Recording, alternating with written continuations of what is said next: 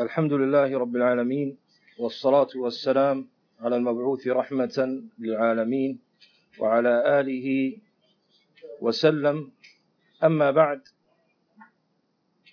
ففي الابتداء يسرني أن أبين فرحي واستبشاري وحمدي لله تبارك وتعالى أن رد الله جل وعلا إلينا عضوا من أعضائنا وقطعة من جسدنا ألا وهو أخينا الفاضل الشيخ أبو الفضل محمد عمر إبراهيم حفظه الله تعالى. ولا أقول أنه ضيف فإن أهل السنة جسد واحد. مهما تفرقت بهم الأمصار مهما تفرقت بهم فإنهم جسد واحد. وهكذا ينبغي أن يكون أهل السنة في ألفتهم ومحبتهم التي نسأل الله جل وعلا بأسمائه الحسنى وصفاته العلى بعد أن يكرمنا بحبه حبا خالصا صادقا أن يمنحنا المحبة فيه والاجتماع على سنة نبيه صلى الله عليه وآله وسلم. وبعد فالموضوع كما قرأتم في العنوان يتعلق بالثمار المرة التي هي أمر من الحنظل حنظل لهذه الجماعات. وأطلقت الجماعات هنا لأنها صارت علما على هذه الفرق. صارت علما على هذه الفرق المعلومة. فإذا قلت جماعات انصرف الذهن إلى هذه الجماعات الإسلامية السياسية المعروفة التي هي الفرق. والنظر في الثمار المرة لهذه الجماعات وتقييده بخمسين عاما فهذا التقييد لم يأتي في حقيقة الأمر اعتباطا. وذلك أن هذه الجماعات في سيرها منذ نشأتها إلى أن تكونت إلى أن صارت ما صارت مرت تقريبا بحقبتين أو أستطيع أن أقول بخمسين وخمسين خمسين كانت في تشكل مذاهبها وفي تخيرها من مذاهب أهل وحدة الوجود والباطنية من مثل إخوان الصفا وغيرهم مما أحياه محمد عبده فسقاه رشيد رضا الذي أخرج تلكم القاعدة الخبيثة المجرمة الآثمة التي بنيت على مضادة السنة وبنيت على تشريع شرع الأبواب لكل بدعة لتجد مكانها في جملة المسلمين. نتعاون فيما اتفقنا فيه ويعذر بعضنا بعضا فيما اختلفنا فيه. أين النبي النبي صلى الله عليه وسلم من أن يبين لنا هذه القاعدة؟ لماذا نسمع عن النبي صلى الله عليه وسلم في كل أحاديثه ما ينقض هذه القاعدة الآثمة من كل الوجوه أصحاب النبي صلى الله عليه وسلم. فالمقصود أن الخمسين عاما الثانية التي بدأت هذه التنظيمات تستشري في الأمة وتستشري في الخفاء وتظهر في المساجد وفي العلن الديانة والشفقة على الأمة. وتظهر أنها حاملة لهموم الأمة وقضاياها وهي في حقيقتها كالأفاعي التي تبطن السم الزعاف ثم في ظاهر حالها تظهر الشفقة والرحمة وتتسلل إلى كل جحر وإلى كل مكان فعظمت البلية فيها. خمسين عاما من الثمار المرة التي بات يلمسها كل مسلم ومسلمة ممن لم يبتلى بهذه الجماعات ولم يبتلى بمذاهبها. كل مسلم كل مسلم بقيت معه فطرة أو قرب من سنة أو لم يتلوث بهذه المذاهب ذاق شيئا أو لمح شيئا من مرارة هذه الجماعات وضررها. طبعا حتى يذوق المسلم هذه المرارة أو عساه ألا يذوقها ولكن أقصد أنه حتى يبصر يعني هذه المرارة لهذه الجماعات قد يحتاج إلى أمر مهم. إذ أن الدين قسمين تأصيل حق ونقض باطل. فمن لم يكن قلبه مؤصل على الحق فلن يجد في نفسه من كراهية هذه الجماعات والبدع ما سيجد. وهنا تكمن المشكلة؟ لأن من لم يذق طعم السنة لم يعرف كراهية وقبح ومرارة البدعة. فبداية أوصي نفسي وإخواني وكل مسلم ومسلمة أن يعمدوا إلى أصول السنة. أيا ما كان مصنفها من أئمتنا رحمهم الله كأصول السنة للإمام أحمد مثلا. اقرأه عشرين ثلاثين مرة فإن أصول السنة بفضل الله تبارك وتعالى ميسورة للتلقي. ميسورة على الفهم فإنها الدين الحق الواضح الظاهر من أكبر المشاكل اليوم أن أكثر المسلمين لا يعرف مذهبه ولا يعرف حقيقة أصوله لأنه لا يعتني بذلك ولا يعطي الجهد لذلك فمن هنا استشرت هذه الجماعات ونفشت ريشها مستغلة انصراف إخواننا المسلمين عن تعلم الحق الذي أنزله الله وعن معرفة أصول السنة. أحب هنا أن أقول أننا نتناول النقد من جهة بيان الثمار المرة لهذه الجماعات من الجهة التي افترض علينا أن نتناولها. أعني افترض علينا ممن؟ من الله عز وجل. فالله جل وعلا هو الذي يفترض علينا ويفرض علينا. سبحانه لا إله إلا هو. فنحن لا نأخذ ديننا إلا من ربنا تبارك وتعالى. فالله جل وعلا هو الذي يفرض علينا ويأمرنا تبارك وتعالى. فالله فرض علينا أن نرد على البدع وعلى الأهواء وأن ننقد هذه الجماعات من جهة العلم. أما من جهة سياسة الدول مع هذه الجماعات فهذا مرجعه إلى ولاة أمورنا. نسأل الله تبارك وتعالى أن يعينهم.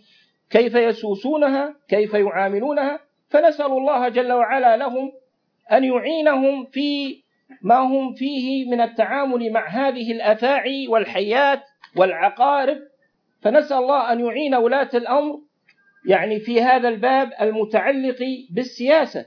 أما من ناحية العلم فهذا هو واجبنا وهذا هو المفترض علينا.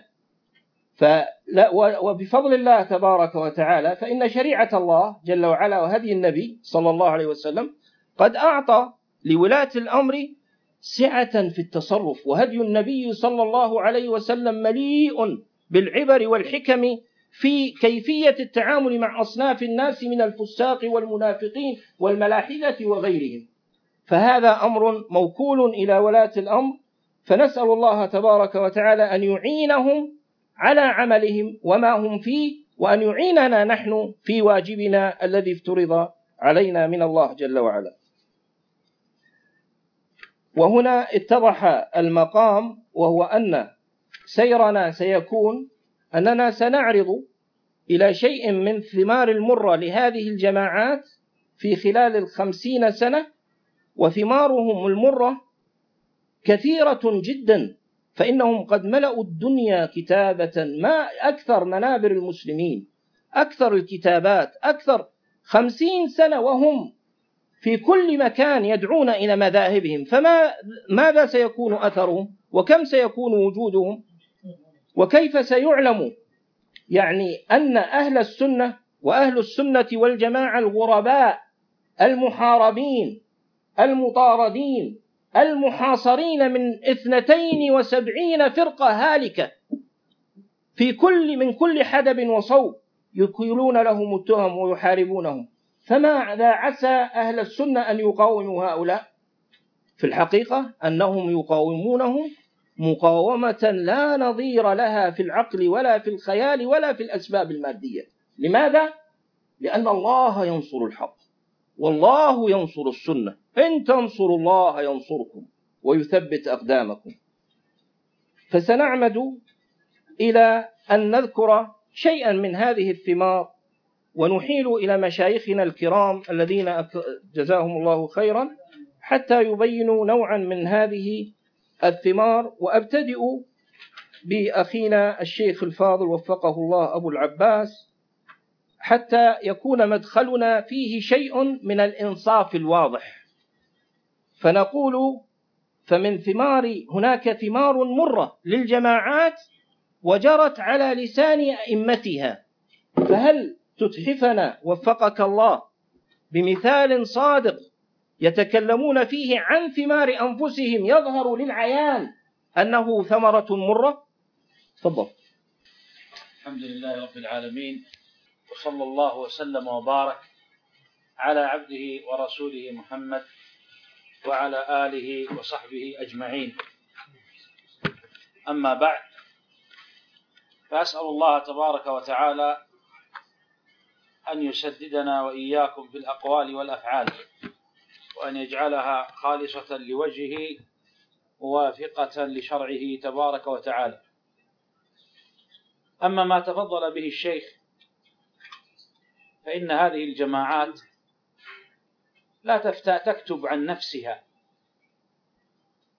وتمدح نفسها وتذكر إنجازاتها في مصنفات تبلغ مجلدات عدة. تبلغ مجلدات عدة. لكني دعني أذكر لك مثالا واحدا كما طلب الشيخ حفظه الله. من كتاب واحد بلسان رأس من رؤوس هذه الجماعات يخضع له الجميع منهم ويعظمونه ويبجلونه. هذا الشخص هو يوسف بن الدكتور يوسف بن عبد الله القرضاوي. وسأختار من كتاب واحد حديث في طباعته بالنسبة لسنه ومسيرته في الدعوة لهذه الجماعات وتأصيل أفكارها ومبادئها. إن من أمر ثمارها التي اعترف بها يوسف القرضاوي إيجاد دولة تشكل خطرا على الخليج خاصة وعلى العرب والمسلمين بعامة وتخوض اليوم دولنا وولاة أمورنا في مجالات عدة سياسية دبلوماسية أو عسكرية قتالية ضد آثار هذه الدولة. أما الكتاب فهو كتاب القرضاوي أمتنا بين قرنين. أمتنا بين قرنين. وذهبت عني الصفحة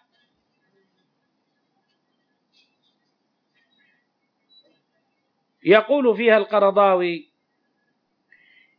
معددا محاسن الحركات الإسلامية خلال قرن مئة سنة. قال لقد استطاعت هذه الحركات الإسلامية أن تقيم للإسلام دولتين.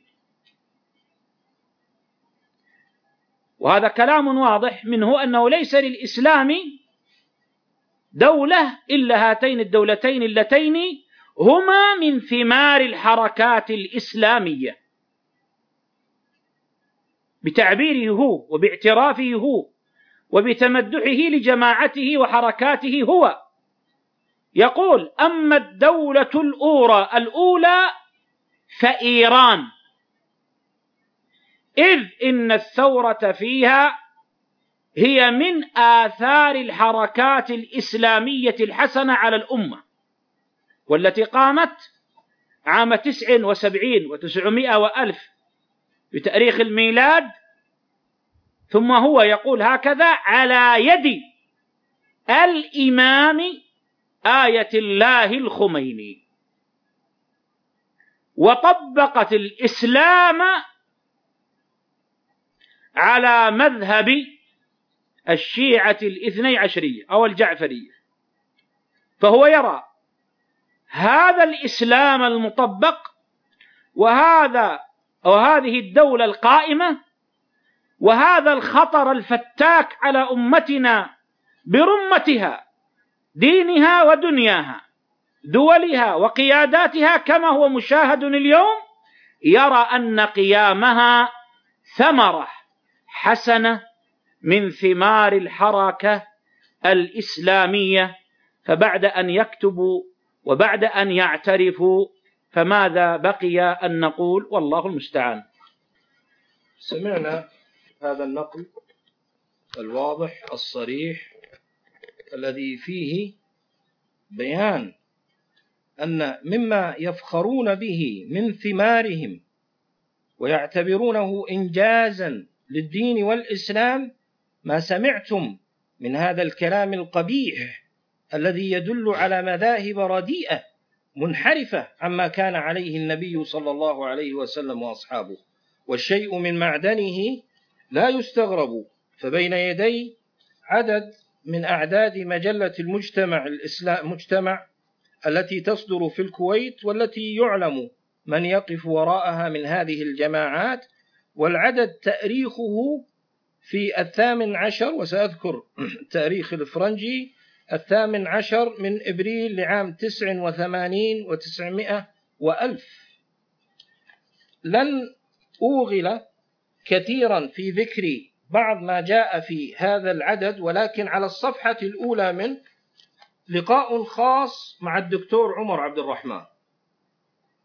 في عام 89 عمر عبد الرحمن الذي كان من أول من أسهم في التفجيرات وأول من أحيا هذه السنة سنة الجماعات الغائبة التي كانوا يحبون أن تحيا فكان أول من قام بها يضعون صورته على العدد الممثل لتيارهم وتوجههم.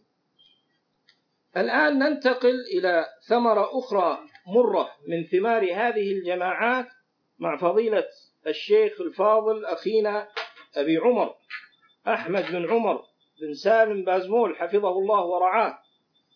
ونقول له بين لنا شيئا من ثمارهم المرة في تفريق جماعة المسلمين والتفريق بين المؤمنين. نعم جزاكم الله خيرا. آه إن الكلام عن هذا الموضوع يستدعي أولا بيان أمر مهم وأصل وقاعدة شرعية وهي أن من الأصول الإسلامية والسلفية الاجتماع على الحق والمودة والمحبة في الله عز وجل وعدم الفرقة والاختلاف بين المسلمين. يقول الله عز وجل واعتصموا بحبل الله جميعا ولا تفرقوا. واذكروا نعمة الله عليكم إذ كنتم أعداء فألف بين قلوبكم فأصبحتم بنعمته إخوانا. وكنتم على شفا حفرة من النار فأنقذكم منها. كذلك يبين الله لكم آياته لعلكم تهتدون. ويقول عز شأنه وأطيعوا الله ورسوله ولا تنازعوا فتفشلوا وتذهب ريحكم واصبروا إن الله مع الصابرين. وهكذا جاء في السنة النبوية ما يؤكد هذا الأمر. من ذلك قوله عليه الصلاة والسلام إن الله يرضى لكم ثلاثة ويكره لكم ثلاثة فيرضى لكم أن تعبدوه ولا تشركوا به شيئا وأن تعتصموا بحبل الله جميعا ولا تفرقوا. ويكره لكم قيل وقال وكثرة السؤال وإضاعة المال. وكذا قوله عليه الصلاة والسلام عليكم بالجماعة وإياكم والفرقة فإن الشيطان مع الواحد وهو من الاثنين أبعد ومن أراد محبوحة الجنة فليلزم الجماعة. في أحاديث كثيرة عن النبي صلى الله عليه وسلم حتى مع ولي الأمر نحن مجتمعون على السمع والطاعة له بالمعروف. فالنبي صلى الله عليه وسلم يأمرنا أنه إذا أتانا من من يريد أن يفرق كلمتنا أن لا نسمع له ولا نطيع بل نقاتله حيث قال صلى الله عليه وسلم من أتاكم وأمركم جميع على رجل واحد يريد أن يشق عصاكم أو يفرق جماعتكم فاقتلوه. ومن الأحاديث العظيمة الدالة على إصلاح ذات البين وعلى الأخوة وعلى المودة وإذا حصل هناك فرقة أو اختلاف نسعى لإصلاح ذات البين. قوله صلى الله عليه وسلم أفضل الصدقة إصلاح ذات البين. أفضل الصدقة إصلاح ذات البين. هكذا يرشدنا النبي صلى الله عليه وسلم إلى الألفة والمحبة والاجتماع على الحق وهكذا هو شأن ديننا الحنيف الذي جاء به النبي صلى الله عليه وسلم من عند الله عز وجل. ولذلك من أعظم أيضا الأصول عند السلفيين أن متبوع أهل السنة هو الرسول صلى الله عليه وسلم. يقول شيخ الإسلام ابن تيمية رحمه الله تعالى إن أهل الحق والسنة. لا يكون متبوعهم إلا رسول الله صلى الله عليه وسلم الذي لا ينطق عن الهوى فهو الذي يجب تصديقه في كل ما أخبر وطاعته في كل ما أمر وليست هذه المنزلة لغيره من الأئمة. فمن جعل شخصا غير رسول الله صلى الله عليه وسلم من أحبه ووافقه كان من أهل السنة ومن خالفه كان من أهل البدعة كان من أهل البدع والضلال والفرق. وبهذا يتبين أن أحق الناس بأن تكون هي الفرقة الناجية أهل الحديث والسنة الذين ليس لهم متبوع يتعصبون له إلا رسول الله صلى الله عليه وسلم وهم أعلم الناس بأقواله وأحواله. انتهى. وقد سئل الإمام الألباني رحمه الله تعالى عن الدعوة السلفية فقال الدعوة السلفية تحارب الحزبية بكل أشكالها وأنواعها. والسبب واضح. والسبب واضح جدا. الدعوة السلفية تنتمي إلى شخص معصوم وهو رسول الله صلى الله عليه وسلم. فمن خرج عن دعوة هؤلاء لا نسميه بأنه سلفي. أما الأحزاب الأخرى فينتمون إلى أشخاص غير معصومين. من ادعى السلفية والتي هي الكتاب والسنة فعليه أن يسير مسيرة السلفي وإلا فاسمه وإلا فالاسم لا يغني عن حقيقة المسمى. وبهذا يظهر أن الأحزاب المختلفة التي ظهرت على الساحة وأن الفرق والجماعات التي ظهرت من القدم أنها ليست ظاهرة إيجابية وليست ظاهرة فيها شيء من الحق بل هي باطلة. قال قال الإمام العثيمين رحمه الله تعالى وقد سئل السؤال التالي لا يخفى على فضيلتكم كثرة الأحزاب في الساحة. فما توجيهكم حفظكم الله تعالى. فأجاب رحمه الله تعالى بقوله لا شك أن تحزب المسلمين إلى أحزاب متفرقة متناحرة مخالف لما تقتضيه الشريعة الإسلامية من الائتلاف والاتفاق موافق لما يريده الشيطان من التحريش بين المسلمين وإيقاع العداوة والبغضاء وصدهم عن ذكر الله وعن الصلاة. قال الله تعالى إن هذه أمتكم أمة واحدة وأنا ربكم فاعبدون. وفي الآية الأخرى وأنا ربكم فاتقون. إلى أن قال رحمه الله تعالى فاجتهدوا في جمع الكلمة وترك التنابذ والتفرق فإن التنازع والتفرق سبب للخذلان والفشل. أسأل الله تعالى أن يصلح أمور المسلمين ويجمع كلمتهم على الحق إنه على كل شيء قدير. انتهى. وقال الشيخ صالح الفوزان حفظه الله تعالى. وقد سئل هل يجب على العلماء أن يبينوا للشباب وللعامة خطر التحزب والتفرق والجماعات؟ فأجاب حفظه الله تعالى بقوله نعم يجب بيان خطر التحزب وخطر الانقسام والتفرق ليكون الناس على بصيرة لأنه حتى العوام ينخدعون.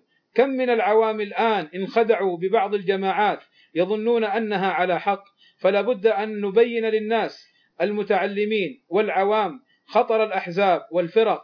لأنهم إذا سكتوا قال الناس سكت العلماء كانوا عارفين عن هذا وساكتين عليه فيدخل الضلال من هذا الباب. فلا بد من البيان عندما تحدث عندما تحدث مثل هذه الأمور. والخطر على العوام أكثر من الخطر على المتعلمين لأن العوام مع سكوت مع سكوت العلماء يظنون أن هذا هو الصحيح وهذا هو الحق. والتفرق والاختلاف قد وصف الله عز وجل به حال أهل الضلال. كما قال قتادة رحمه الله تعالى تجد أهل الباطل مختلفة شهادتهم مختلفة أهواؤهم مختلفة أعمالهم وهم أي أهل الباطل مجتمعون في عداوة أهل الحق. أهل الباطل مجتمعون في عداوة أهل الحق. وإن من التفرق والاختلاف ما يحدث من التعصب في في للمذاهب والمشايخ. قال الشيخ عبد الرحمن بن قاسم رحمه الله تعالى في حاشيته على الروض المربع التعصب إلى المذاهب والمشايخ وتفضيل بعضهم على بعض والدعوة إلى ذلك والموالاة عليه من دعوى الجاهلية. بل كل من عدل عن الكتاب والسنة فهو من أهل الجاهلية. والواجب على المسلم أن يكون أصل قصده طاعة الله وطاعة رسوله. يدور على ذلك ويتبعه أينما وجده. ولا ينتصر لشخص انتصارا مطلقا إلا لرسول الله صلى الله عليه وسلم. انتهى. وإذا تأملنا حال الجماعات وحال الأحزاب وحال تلكم التفرقات نجد أنهم يتعصبون لبعضهم البعض بل يقدمون كلام متبوعهم على كلام الله وكلام رسوله صلى الله عليه وسلم ويقدمون أهواءهم وآراءهم وعقولهم على الدين. فحصل التفرق بين المسلمين وحصل التنابذ بينهم حتى إنك لتجد في البيت الواحد الإخوة متفرق متفرقين متنابذين. يطعن الأخ في أخيه ويحارب الأخ أخاه والأقارب فيما بينهم يتهاجرون. وكما قال شيخ الإسلام ابن تيمية رحمه الله تعالى. لو كان كلما اختلف مسلمان في شيء تهاجرا لم يبقى بين المسلمين عصمة ولا أخوة. فالواجب على المسلم إذا اختلف مع أخيه أن يرجع إلى الحق وأن يتآلفه وأن يذهب ما بينه من اختلاف ولا شك أن هذا من من الآثار ومن الثمار السيئة الناتجة عن تلكم الجماعات المخالفه لكتاب ربنا وسنة نبينا صلى الله عليه وسلم. نعم. جزاك الله خير. طبعا الله تبارك وتعالى يقول وقوله الحق إن الذين فرقوا دينهم وكانوا شيعا لست منهم في شيء. وعبد الرحمن عبد الخالق يقول تعدد الجماعات هذا من الحسنات. هذه المسألة وصلت للشيخ عبد العزيز بن باز رحمه الله فغضب ونقدها نقدا علنيا شديدا. الشيخ عبد العزيز عبد الخالق يقول تعدد الجماعات ظاهرة صحية. والله جل وعلا يقول إن الذين فرقوا دينهم وكانوا شيعا لست منهم في شيء. لما بلغت هذه المسألة الشيخ الإمام بن باز رحمه الله استكبرها واستعظمها وجعلها منكرا كبيرا حتى ألزم عبد الخالق بالتوبة العلنية في الجرائد السعودية والكويتية مما لم يصنعه إلى الآن. فالمقصود فالمقصود أن هذه مسألة مهمة فهذه الجماعات تنقض عرى المودة الدينية بين أهل الإسلام لأنهم يفترضون اجتماعا على البدع. كذلك فينقضون الأصل في الاجتماع على جماعة عامة في طاعة ولاة الأمر. الآن آه، نتشرف بضيفنا الذي لا أريد أن أقول كلمة ضيفنا لأن تشعر بالفرقية فكنت أحب أن أقول يعني كما قلت في المقدمة لكن سبق لساني. فالأخونا أبو الفضل الذي نعرفه بكنيته من زمن فيعني نريد منه أن يبين لنا شيئا من الثمار المرة للثمار المرة للربيع العربي الربيع الذي يسمونه الربيع العربي. خاصة أنه من ليبيا فهو نحن قد نستشعر بقلوبنا لكنهم يعيشون مرارة هذا الربيع ومن شارك فيه من المجرمين الآثمين من هذه الجماعات. فأوقدوا. تفضل شيخ. الله يحفظك ويبارك فيك. الحمد لله رب العالمين.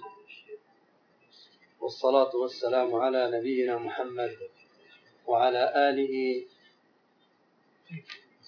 وصحبه أجمعين.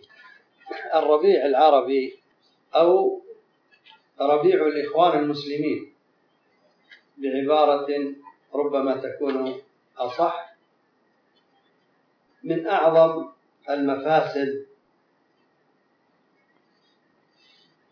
التي وقعت مخالفة النصوص الشرعية الآمرة بالصبر على ولاة الأمور. إلا أن يرى الإنسان كفرا بواحا عنده فيه من الله برهان فالخروج والمفاسد التي حدثت مخالفة للأحاديث الصحيحة الواردة في الصبر. وقد جاء عن الحسن رحمه الله كما في الشريعة الأجري أن الناس عندما ابتلوا من ولاتهم له صبروا لا أوشك الله أن يرفع عنهم البلاء. ولكن عندما أخذوا السبل المخالفة لمنهج السلف حصل لهم ما حصل. ومن تلك الأمور أيضا سفك الدماء المعصومة التي حرمها الله تبارك وتعالى ورسوله عليه الصلاة والسلام. لزوال الدنيا أهون عند الله من سفك دم امرئ مسلم. وقد جاء في الحديث أيضا أن النبي عليه الصلاة والسلام ينظر إلى الكعبة ويقول ما أعظمك وما أعظم شأنك؟ وإن دم المؤمن أو المسلم أعظم حرمة. وقد قاموا بتحفيز الشباب والتلبيس عليهم في أمور جعلت هؤلاء الشباب يندفعون إلى مقارعة من هم أقوى منهم وأشد عدة. فحصل من قتل الشباب الشيء الكثير. وترى هؤلاء الذين يشجعون هذا الصيف الحارق أولادهم وأبناؤهم وبناتهم في دول الغرب بينما أقحموا الشباب مع ولاة أم مع حكامهم. فحصل ما قد رأينا من قطع السبل وانتهاك الأعراض وإحياء المذاهب الخارجية وإنشاء مذاهب أخرى على أسماء متعددة. قد أفردوا بالأمس كداعش وكالنصرة وأنصار الشريعة وغيرهم من المسميات التي فتكت بالشباب وقال وأوغرت صدورهم على ولاة أمرهم. فكل طائفة وكل حزب بما لديهم فرحون. وأظهروا للناس وللإعلام الكاذب أن هذه الثورات إنما أقيمت من أجل إقامة العدل وإسباغ الأموال عليهم وكانت في الحقيقة هي سنين عجاف على هذه المجتمعات. والناظر في المجتمعات أو في الدول القائم في هذا الربيع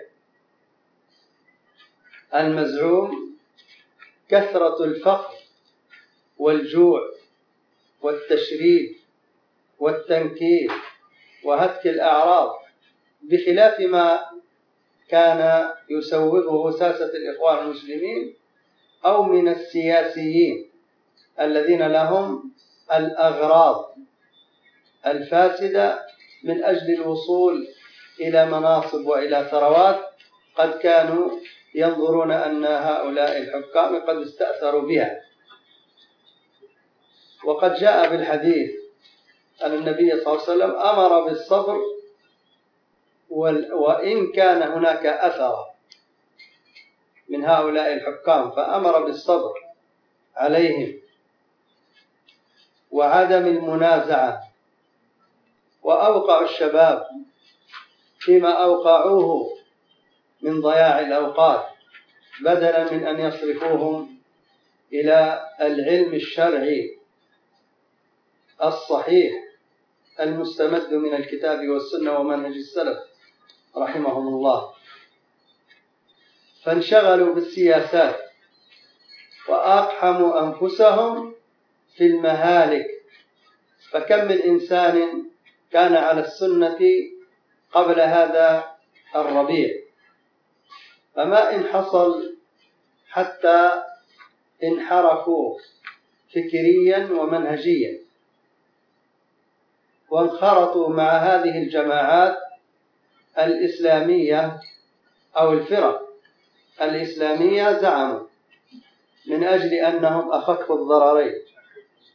فهذه الجماعات وهذه الفرق وهؤلاء الذين يزعمون إقامة الحق والعدل لم يزيدوا إلا في الظلم ولم يزيدوا إلا في انتهاك الأعراض.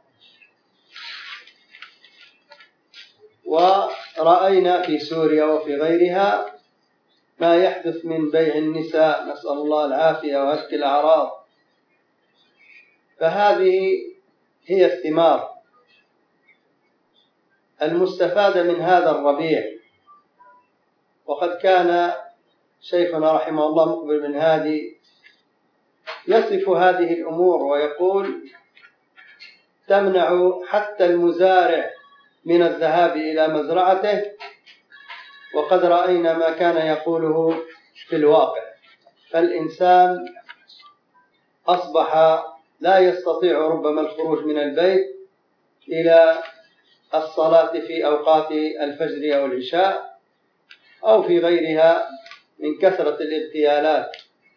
في الوقت الذي كانت فيه تلك الدول أو تلك الأنظمة يسير الإنسان فيها بخلاف هذا الواقع المرير الذي تعيشه هذه الشعوب نسأل الله تبارك وتعالى أن يفرج عنا جميعا وصلى الله وسلم على نبينا محمد وعلى آله. جزا الله الشيخ بالفضل على ما أفاد به من بعض الثمار المرة لهذا الربيع الذي يسمى بالربيع. ونسأل الله جل وعلا أن يفرج عن المسلمين جميعا آثار هذه هذه الثورات وأن يحقن دماءهم وأن يصلح أحوالهم. والآن ننتقل إلى أثر في الحقيقة غاية الأهمية من الآثار المرة لهذه الجماعات. وهو في غاية من الأهمية لأنه يصرف الناس عن قادتهم الحقيقيين وعن الناصحين لهم. فمن ثمار الجماعات المرة صرف الأمة عن علماء السنة الناصحين والطعن عليهم.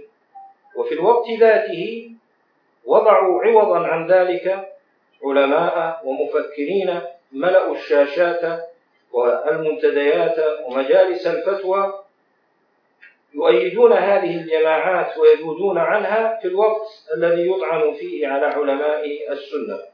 ونكل هذه المسألة إلى فضيلة الشيخ أخينا الفاضل فواز العوضي وفقه الله تبارك وتعالى وأسأل الله أن يفتح عليه ويسدده.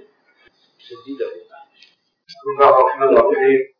الحمد لله رب العالمين. صلى الله وسلم على نبينا محمد وعلى آله أجمعين. جزا الله مشايخنا خير الجزاء على اختيار هذا الموضوع.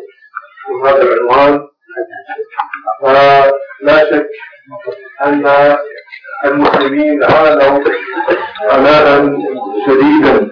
جراء هذه الجماعات السياسية الحركية الإسلامية الذي التي مزقت المسلمين شر التمزيق فجعلوا هناك علماء جعلوا لهم علماء وصدروهم ورأسوهم ووجهوا الناس إلى هؤلاء العلماء وبرزوهم. في مقابل ذلك تجد أن علماء السنة هجروهم وزرعوا في نفوس الناس أن لا يأتوا علماء السنة. ف وهذا لا شك أنه أمر عظيم. لأن الله عز وجل أوصانا بالسؤال. إذا عجزنا عن شيء أن نسأل أهل العلم. فاسألوا أهل الذكر إن كنتم لا تعلمون. فعند هؤلاء الجماعات جعلوا أئمة لهم يرجعون الناس إليهم ولكن من هم العلماء عندهم؟ الذي الذين هيجوا الناس في الخروج على الحكام وسفكوا دماء المسلمين وزرعوا عقيدة عقيدة الخوارج كالإضرابات والمظاهرات والاعتصامات وربوهم على هذه التربية. أي أن علماء هذه الجماعات ربوا الناس تربية باطلة خارجية داعشية. حينما وجدوا فرصة لهم في بيان عقيدتهم الباطلة وهذه آثارهم. ذهبت بلدان إسلامية وسفكت دماء مسلمين. وضاعت أعراض. بسبب ماذا؟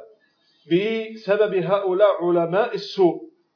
انظر إلى عبد الرحمن عبد الخالق ولما هيج الناس على المظاهرات. انظر إلى القرضاوي انظر إلى سلمان وسفر انظر إلى أسامة بن لادن انظر إلى عصام البرقاوي صلاح الصاوي سيد قطب. وغير هؤلاء. انظر إلى هؤلاء العلماء علماؤهم. ربوا الناس على الخروج على الحكام وربوا الناس على زرع دو زرع دولة يزعمون أن بإقامتها يقام الإسلام وضيعوا التوحيد وضيعوا السنة. في مقابل هؤلاء علماء السوء أين علماء السنة؟ فهجأ أمروا الناس وأوهموهم أن هؤلاء علماء السنة ليسوا بعالمين بحقيقة الإسلام. فانظر إلى الشيخ ابن باز رحمة الله عليه على عظم علمه وتمسكه بالكتاب والسنة ووصيته باتباع السلف الصالح ووصاياها الكثيرة التي تأمر بلزوم جماعة المسلمين وإمامهم وإمامهم وعدم الخروج على ولاة الأمر وذم هذه آه، المظاهرات وغير ذلك. أين هذا العالم؟ ف وكذلك الشيخ ابن عثيمين رحمه الله تعالى حينما انتشرت فتاواه في لزوم جماعة المسلمين. فانظر كذلك إلى الشيخ الألباني رحمة الله عليه وسعة اطلاعه في أحاديث النبي صلى الله عليه وسلم تصحيحا وتضعيفا. أين أين ذهب هذا العلم؟ ذهب بسبب هؤلاء الجماعات وفجراء بدعهم طمسوا علم العلماء علماء أهل السنة ورفعوا علماء السوء.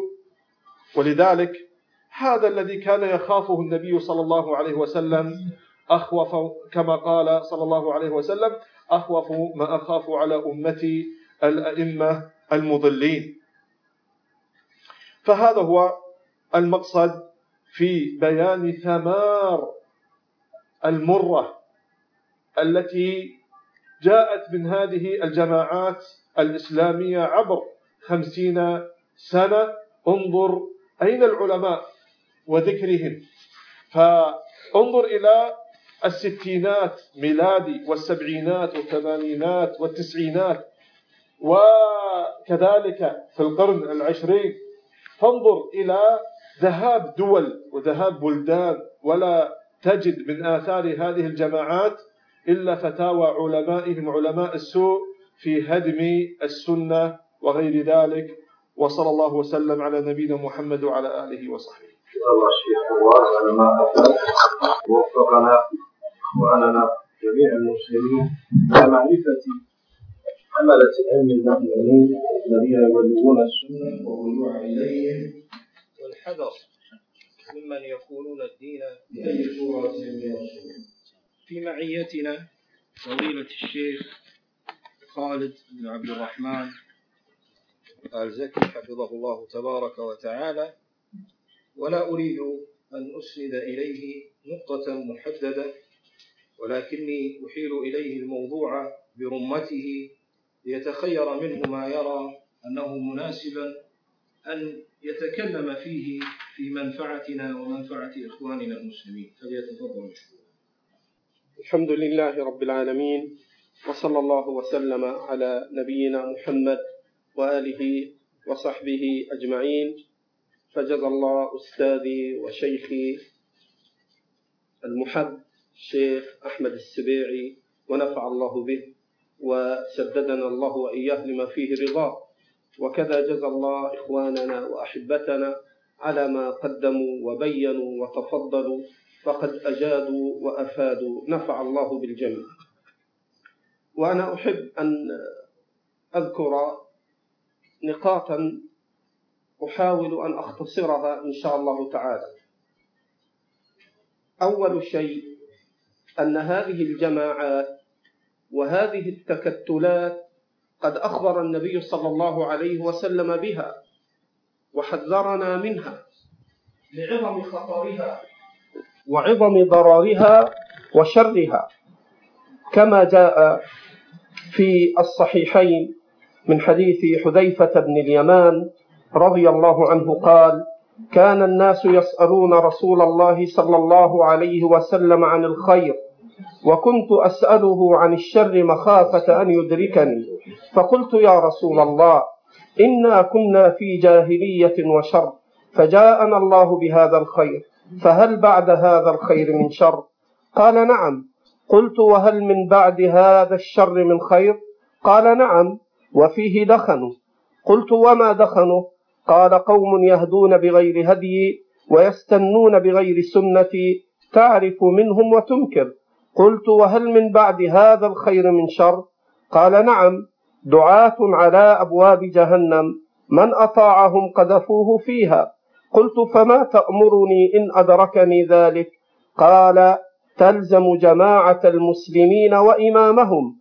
قلت فإن لم يكن لهم جماعة ولا إمام قال فاعتزل تلك الفرق كلها ولو أن تعض بأصل شجرة حتى يدركك الموت وأنت على ذلك. فهذا حديث عظيم. بوب عليه الإمام البخاري فقال كيف الأمر إذا لم تكن جماعة؟ وفي هذا الحديث من التنبيه والبيان الواضح الجلي أنه ستنشأ جماعات وتنشأ فرق تخالف جماعة المسلمين وإمامهم وتنفصل عن ولي أمرهم. فسأل حذيفة النبي صلى الله عليه وسلم ماذا أصنع إن أدركت هذه الجماعات؟ فقال تلزم جماعة المسلمين وإمامهم أي تلزم ولي الأمر وتعتزل هذه الفرق. قلت فإن لم يكن للمسلم لهم جماعة ولا إمام قال فاعتزل تلك الفرق كلها. وقد سألت الإمام الألباني كما هو مسجل في سلسلة الهدى والنور قبل ما يقارب من خمسة عشر عاما وزيادة سألته في بيته وهو مسجل في سلسلة الهدى والنور فقلت له هل يدل هذا الحديث على اعتزال الجماعات الإسلامية الموجودة على الساحة قال نعم يدل على ذلك ويدل على أكثر من ذلك ثم شرح إجابته كما هو مسجل ويرجع إليه لمن أحب. في سؤال الشيخ الألباني في حديث حذيفة من سلسلة الهدى والنور.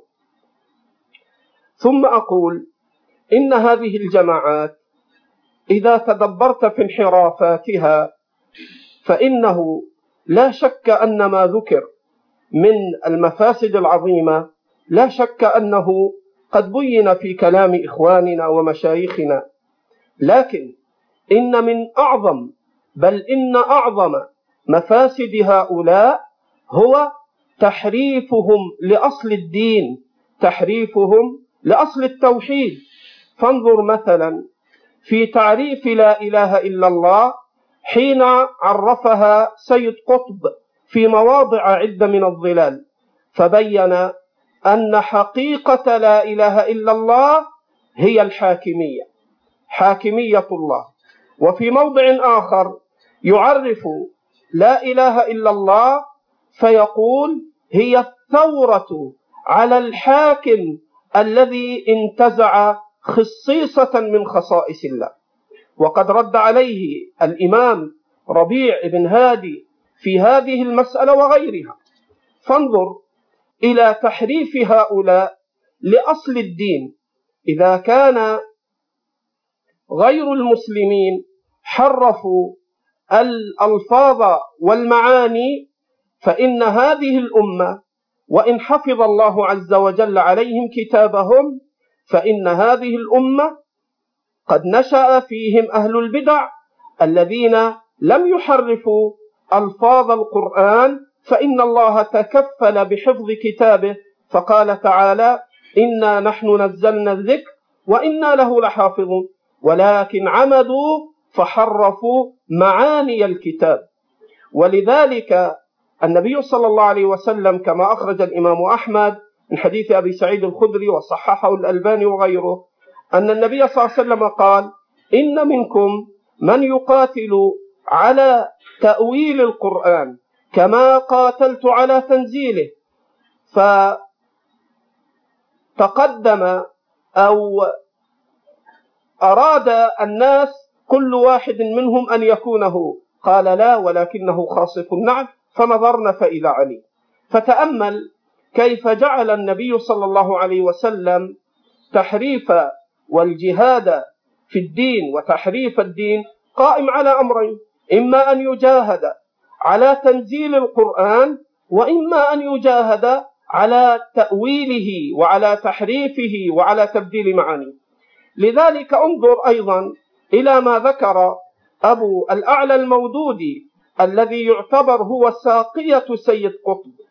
هو ساقية سيد قطب حين يقول في المصطلحات الأربع التي كتبها وألفها وهو مؤسس الجماعة الإسلامية في القارة الهندية يقول أبو عبد الأعلى المودودي يقول إن أصل الألوهية وجوهرها هو السلطة. إن أصل الألوهية وجوهرها هو السلطة. فانظر كيف حرف هؤلاء أصل التوحيد الذي بعث الله به الأنبياء والرسل. وانظر كيف انعكس هذا التحريف على قادتهم حتى أجازوا الشرك والكفر بالله في بعض المسائل من حيث يجهلون. فانظر إلى المرشد العام للإخوان المسلمين. وهو عمر التلمساني الذي هو ربيب حسن البنا. فانظر في كتابه شهيد المحراب حين تكلم عن قوله تعالى ولو أنهم إذ ظلموا أنفسهم جاءوك فاستغفروا الله واستغفر لهم الرسول لوجدوا الله توابا رحيما فذكر ما يفعله عباد القبور من الاستغاثة بالأموات ومن الطواف بالقبور ومن سؤال الحاجات وتفريج الكربات لأهل القبور من الأحياء. فذكر أن بعضهم استدل بهذه الآية ثم انفصل فقال وأنا لا أرى مانعا من ذلك فإن الآية عامة في حياته وبعد وفاته. هكذا يحلون الشرك ويحلون الكفر لأنهم جهلوا أصل التوحيد. فإذا انتقلت إلى باب الأركان الشرعية. إذا انتقلت إلى الزكاة.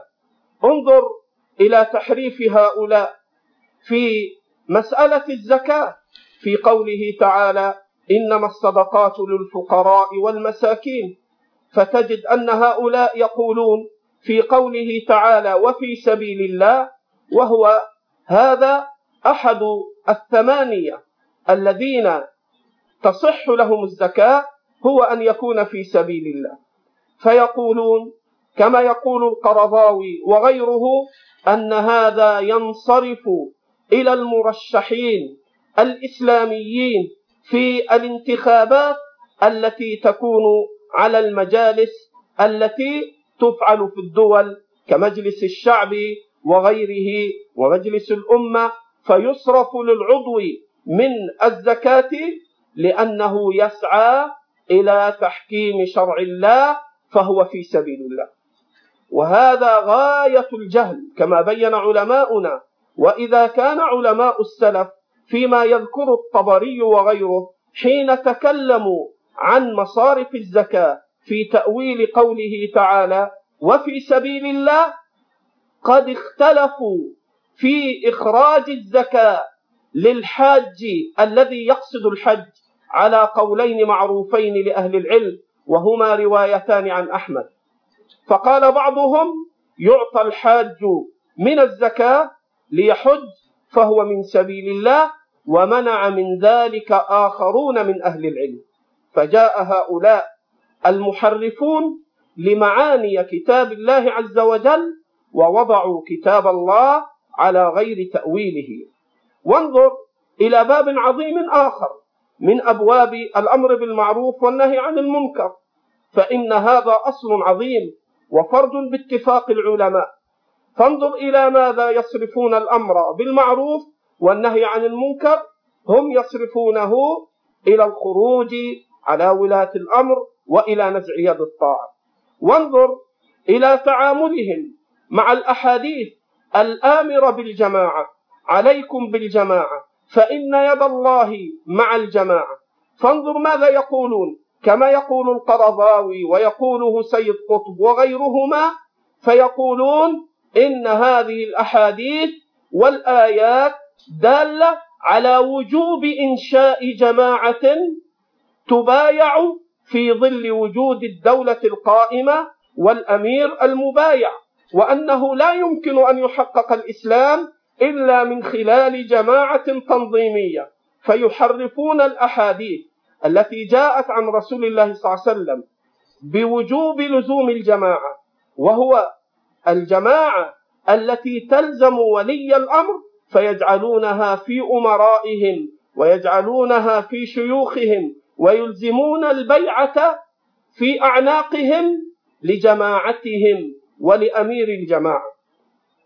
كل هذا مما يدلك على مدى إضرار هذه الجماعات بالإسلام وبأهل الإسلام ثم هم كما أخبر النبي صلى الله عليه وسلم في الصحيح من حديث عبد الله بن عمرو بن العاص أنه قال إن الله لا يقبض العلم انتزاعا ينتزعه من العباد ولكن يقبض العلم بقبض العلماء حتى إذا لم يبق عالما اتخذ الناس رؤوسا جهالا فسئلوا فأفتوا بغير علم فضلوا وأضلوا. فانظر إلى هؤلاء حين يجعلون بعض جهالهم رؤوسا يرجع إليهم ويعول عليهم في الفتوى ويتركون الراسخين من أهل العلم. فهذا غيظ من فيض وقليل من كثير من أضرار ومفاسد هذه الجماعات في باب الاعتقاد وفي باب الأحكام وفي باب منازعة ولاة الأمر. وفي نشر الفتن ونشر الفساد حتى آل الأمر إلى ما نحن فيه ولا حول ولا قوة إلا بالله. الله يبارك شكر الله للشيخ خالد ما أفاد به وبينه من الأمثلة الواضحة الجلية التي تدل على أن هذه الجماعات قد رفعت راية العمل بما حذر منه النبي صلى الله عليه وآله وسلم في قوله لتتبعن سنن من كان قبلكم. حذو القذة بالقذة وذراعا بذراع وشبرا بشبر. فهذا الذي حذر منه النبي صلى الله عليه وآله وسلم تولت هذه الجماعات نقيض هذا التحذير من العمل في كل أبواب الدين تحريفا له وهذه الأمثلة التي ذكرها الشيخ واضحة في هذا المضمار. بل إنني قرأت مرة من القصص التي يعدونها لأطفالهم فذكروا فيها حديث صهيب في مسلم والحديث طويل وفيه أن ذاك الفتى كان يأتي إلى ذلكم الرجل الصالح ثم يختلف إلى الساحر كما هو معلوم في الحديث عن النبي صلى الله عليه وسلم. فقال فيقص هذا الرجل القصة ويقطع الصور ويضع يعني الحديث ويشرحه في هيئة القصة. فلما جاء يعني إلى هذا الرجل الصالح فيقول له يقول له أين تذهب؟ فيقول إلى ربه قال من ربك؟ قال الملك. فيقول له الرجل الصالح فيقول الغلام للرجل الصالح يقول وأنت من ربك؟ فيقول ربي الله. قال له وما معنى الله؟ قال أي لا حاكم إلا الله. هكذا. ولم يأتي في القصة من أولها إلى آخرها تبين شيء من التوحيد إلا في هذا النسق والسياق والتصريح بأن يفسر لا إله إلا الله لا حاكم إلا الله. هكذا يلقنون أطفالهم. فما بالك فما بالك بكبارهم؟ ونظرا لأن موضوع تحريف الدين هو أخطر شيء يكون. فإن أمور الأموال أو أيا ما كان من المفاسد التي تتعلق بالأبدان أو غيرها أو المنازعة أو أو, أو إلى آخره لا يوازيها شيء من المفسدة مثل تحريف فهم الإسلام وتحريف معاني آيات الله وكلام النبي صلى الله عليه وسلم لأنه هو الفعل الذي فعلته اليهود والنصارى فأفسدوا دينهم وحرفوا دينهم. ونظرا لأهمية هذه النقطة فنريد أيضا أن نكمل في بعض ثمارها المرة من جهة فهمهم وتفهيمهم للدين وكيف أنهم حرفوه ونحيل الجواب على هذا على شيخنا أحمد بازمول حفظه الله وفتح عليه. بسم الله الرحمن الرحيم. من المعلوم كما جاء في السنة المعصوم صلى الله عليه وسلم أن أهل الكتاب لم تنفعهم كتبهم. وجودها بين ظهرانيهم لم تنفعهم. لماذا؟ لأنهم حرفوا معانيها وبدلوا وغيروا. فإذا القرآن والسنة لابد أن نحافظ على معانيها على معانيهما وأن نحافظ على فهمهما كما أنزل على النبي صلى الله عليه وسلم. وتلقاه الصحابة رضوان الله عليهم وتلقاه من بعدهم. لذلك كان العلماء ورثة الأنبياء. والأنبياء لم يورثوا درهما ولا دينارا إنما ورثوا العلم. كما أخبر بذلك النبي صلى الله عليه وسلم. والله لا يقبض العلم انتزاعا ينتزعه من صدور العلماء وإنما يقبض العلم بقبض العلماء حتى إذا قبض العلماء اتخذ الناس رؤوسا جهالا فأفتوا فسئلوا. فأفتوا بغير علم فضلوا وأضلوا. أو كما قال عليه الصلاة والسلام. لذلك أخبرنا النبي صلى الله عليه وسلم أن من علامات آخر الزمان فشو الجهل وقلة العلم وكثرة الهرج أي القتل. والنبي صلى الله عليه وسلم تلا قوله عز وجل هو الذي أنزل عليك الكتاب منه آيات محكمات. هن أم الكتاب وأخر متشابهات. فأما الذين في قلوبهم زيغ فيتبعون ما تشابه منه ابتغاء الفتنة وابتغاء تأويله وما يعلم تأويله إلا الله. والراسخون في العلم يقولون آمنا به. فلما تلا هذه الآيات قال لأم المؤمنين قال لأمنا عائشة رضي الله عنها وأرضاها وعن سائر صحابة رسول الله صلى الله عليه وسلم. إذا رأيت الذين يتبعون متشابهة فأولئك الذين سمى الله فاحذروهم. فحذرنا النبي صلى الله عليه وسلم من الذين يحرفون معاني القرآن ومعاني الحق لأنهم يضيعون دين الله عز وجل. لذلك كان من سمات هذه الأمة ومن علامات أهل السنة طلبهم للدليل وعملهم بالدليل كما قال ابن عباس رضي الله عنهما لما سئل عن مسألة فبين الدليل فيها فقيل له قال فلان وقال فلان فقال ابن عباس رضي الله عنهما توشك أن أن تقع عليكم أو أن تسقط عليكم حجارة من السماء. أقول لكم قال الله قال رسوله تقولون قال فلان قال فلان وفي رواية قال أبو بكر وقال عمر وقال عمر بن عبد العزيز رحمه الله تعالى لا حجة لأحد وقال الشافعي رحمه الله تعالى لا حجة لقول أحد مع قول النبي صلى الله عليه وسلم وقال الإمام الأوزاعي ندور مع الدليل حيث دار هكذا يتبعون الدليل ويتبعون الحق ويعملون به. قال السجزي رحمه الله تعالى من أتقن السنة بانت له البدعة. يعني من فهمها؟ الفهم الصحيح ميزها عن البدعة. لذا كانت الجماعات تحرص كل الحرص على تضليل المعاني وعلى تغيير المباني وعلى التشويش على الأصول الصحيحة. لذلك قال شيخ الإسلام ابن تيمية رحمه الله تعالى مبينا أهمية الحق وأهمية السنة. قال إذا انقطع عن الناس نور النبوة وقعوا في الفتن وحدثت البدع والفجور وحدثت البدع والفجور ووقع الشر بينهم. تأمل إذا انقطع عن الناس نور النبوة ليس فقط التلاوة والقراءة وإنما العمل والفهم الصحيح والسنة في تطبيقها قولا وعملا واعتقادا. ما الناتج؟ أو ما النتيجة؟ ما الثمرة إذا انقطع هذا النور؟ قال وقعوا في الفتن وحدثت البدع والفجور ووقع الشر بينهم. قال الشيخ الفوزان حفظه الله تعالى مبينا هذا الأمر.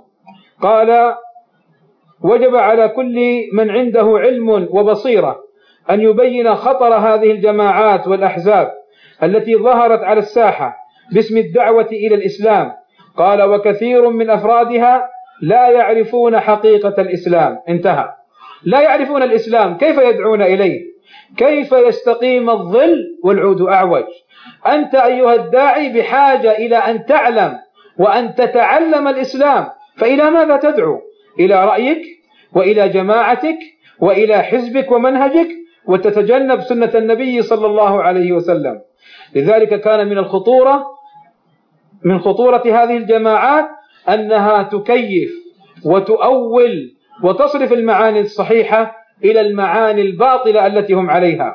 قال شيخ الإسلام ابن تيمية رحمه الله تعالى من في قلبه مرض والجماعات مرض ومن أخبث الأمراض هذه الجماعات التي فتكت بالأمة تفريقا وتشتيتا وتمكينا للأعداء وتسليطا لهم وإضاعة للأمن وتفريقا لجماعتهم وإضاعة للدين والعلم الصحيح. فقال من في قلبه مرض يأخذ من كل كلام ما يناسب مرضه وأيضا يصرفه إلى ما يناسب هواه. ومن هنا بين شيخنا الإمام الشيخ ربيع حفظه الله تعالى من آثار هذه الجماعات الغلو في الأشخاص. فالجاهل الأحمق السفيه يجعلونه مرجعا ويجعلونه قدوة ويجعلونه إماما.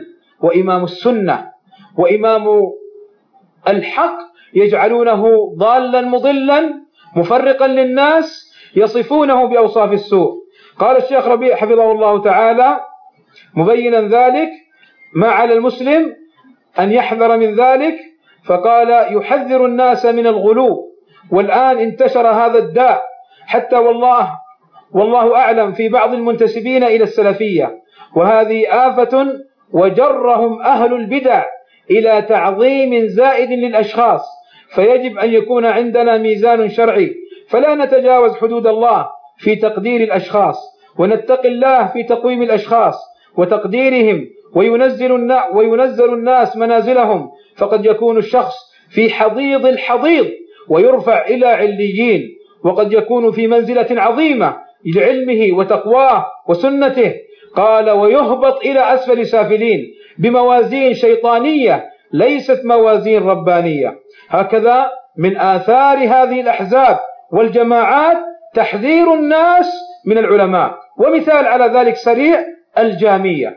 الجامية نسبة إلى الإمام محمد أمان الجامي صاحب العقيدة السلفية يدعو إلى كتاب ربنا وإلى سنة نبينا وإلى منهج السلف الصالح ومع ذلك يصفونه بأبشع الأوصاف.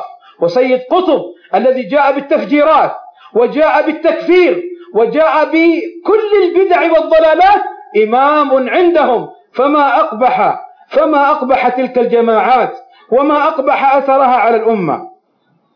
ومن مكائدهم وخبثهم أنهم يحرصون على أخذ الصغار النبهاء ليكون من جماعتهم. فبدل أن يكون الشاب ينشأ ليحمي هذا الدين ويدعو إليه ويذب عنه يذب عن جماعتهم ويتربى على منهجهم وحالهم في هذا حال الروافض. ذكر الذهبي رحمه الله تعالى في ترجمة ابن المعلم المفيد الرافضي أنه كان يدور على المكاتب يعني مثل المساجد والمدارس أنه كان يدور على المكاتب وحوانيت الحاكة فيتلمح الصبي الفطن فيستأجره من أبويه يعني فيضله وبذلك كثر تلاميذه. هكذا الجماعات تلتقط الشاب النبيه الذكي الفطن ليكون معها ليكون على منهجهم فيحميهم ويذب عنهم ويطعن في سنة النبي صلى الله عليه وسلم ويطعن في العلماء وهذا من الآثار السيئة. وأما من وأما أمثلة التحريف فإني أذكر أمثلة على وجه السرعة. من ذلك تضعيفهم لحديث حذيفة في صحيح وهو في صحيح مسلم. أطع الإمام وإن ضرب ظهرك وأخذ مالك. وتضعيفهم له لا من ناحية الصنعة الحديثية وإنما لهوى في نفوسهم. من ذلك أيضا تضعيفهم لحديث من أراد أن ينصح لذي سلطان فلا ينكر عليه علانية. فضعفوه. لماذا؟ لأنهم يريدون لأنهم يريدون أن ينكروا على السلطان علانية. ومن منهجهم الخبيث تهييج العامة وتهييج الناس على على الحاكم الشرعي من طريق المنابر الخطب والمحاضرات والمدارس فيذكرون أخطاء السلطان ينكرون عليهم. وهذا الحديث يضايقهم. وهذا الحديث لا يتمشى على منهجهم. لذلك ضعفوه. أثر ابن عباس في قوله عز وجل ومن لم يحكم بما أنزل الله فأولئك هم الكافرون. قال كفر دون كفر ضعفوه. لماذا؟ حتى يتوصلوا بذلك إلى تكفير الحاكم. أيضا أحاديث السمع والطاعة حملوها على معنى الإمام العام. فقالوا نعم أحاديث السمع والطاعة صحيحة ولكن ليس ليس المراد بها حاكم القطر المعين وإنما المراد به الخليفة. أما هؤلاء الحكام فلا سمع لهم ولا طاعة. وانظروا. وتأملوا إلى تناقضهم وإلى تلاعبهم في دين الله. ففي الوقت الذي كانوا يقولون إن أحاديث السمع والطاعة إنما تكون للإمام العام وهؤلاء الحكام ليس لهم ولا طاعة. وقال بذلك القرضاوي الدكتور القرضاوي قال قال هذا المعنى في ذلك الوقت. ثم لما تولى مرسي الحكم في مصر جاء بأحاديث السمع والطاعة وقال إنها تنطبق على مرسي. دين الله ينطبق على أهوائهم. متى شاءوا طبقوه ومتى خالفهم؟ أولوه وصرفوه. أين عقولنا؟ السليمة. وأين فطرنا المستقيمة؟ وأين قلوبنا التي تخشع إلى ذكر الله عز وجل؟ فإن هؤلاء يحرفون دين الله عز وجل. حرفوا معنى الجماعة وحملوها على جماعتهم الضالة. المنحرفة. تحريفهم معنى التوحيد. فجعلوا التوحيد أن الأنبياء جاءوا ليقيموا توحيد الربوبية وأهملوا توحيد الألوهية. جعلوا توحيدا رابعا توحيد الحاكمية ليتوصلوا بذلك إلى التكفير. أيضا التلاعب بالأحكام الشرعية ليكسبوا قلوب الناس. ولعلي أذكر آخر أمر يتعلق بهذا الأمر مما أردت أن أبينه. وهي مسألة خطيرة وخطيرة جدا وهي زرعهم أتباعا لهم عند العلماء لكي لكي يعمل هؤلاء الأتباع على التشويش على العلماء فيصوروا لهم الحق باطلا والباطل حقا ويحاول قدر إمكانهم أن يثبطوا العلماء عن بيان الحق. والحمد لله علماء السنة أهل فطنة وأهل ذكاء يتبينون هذا الأمر. وأنقل لكم قول الإمام ربيع المدخلي حفظه الله تعالى مبينا خطورة هذا الأسلوب.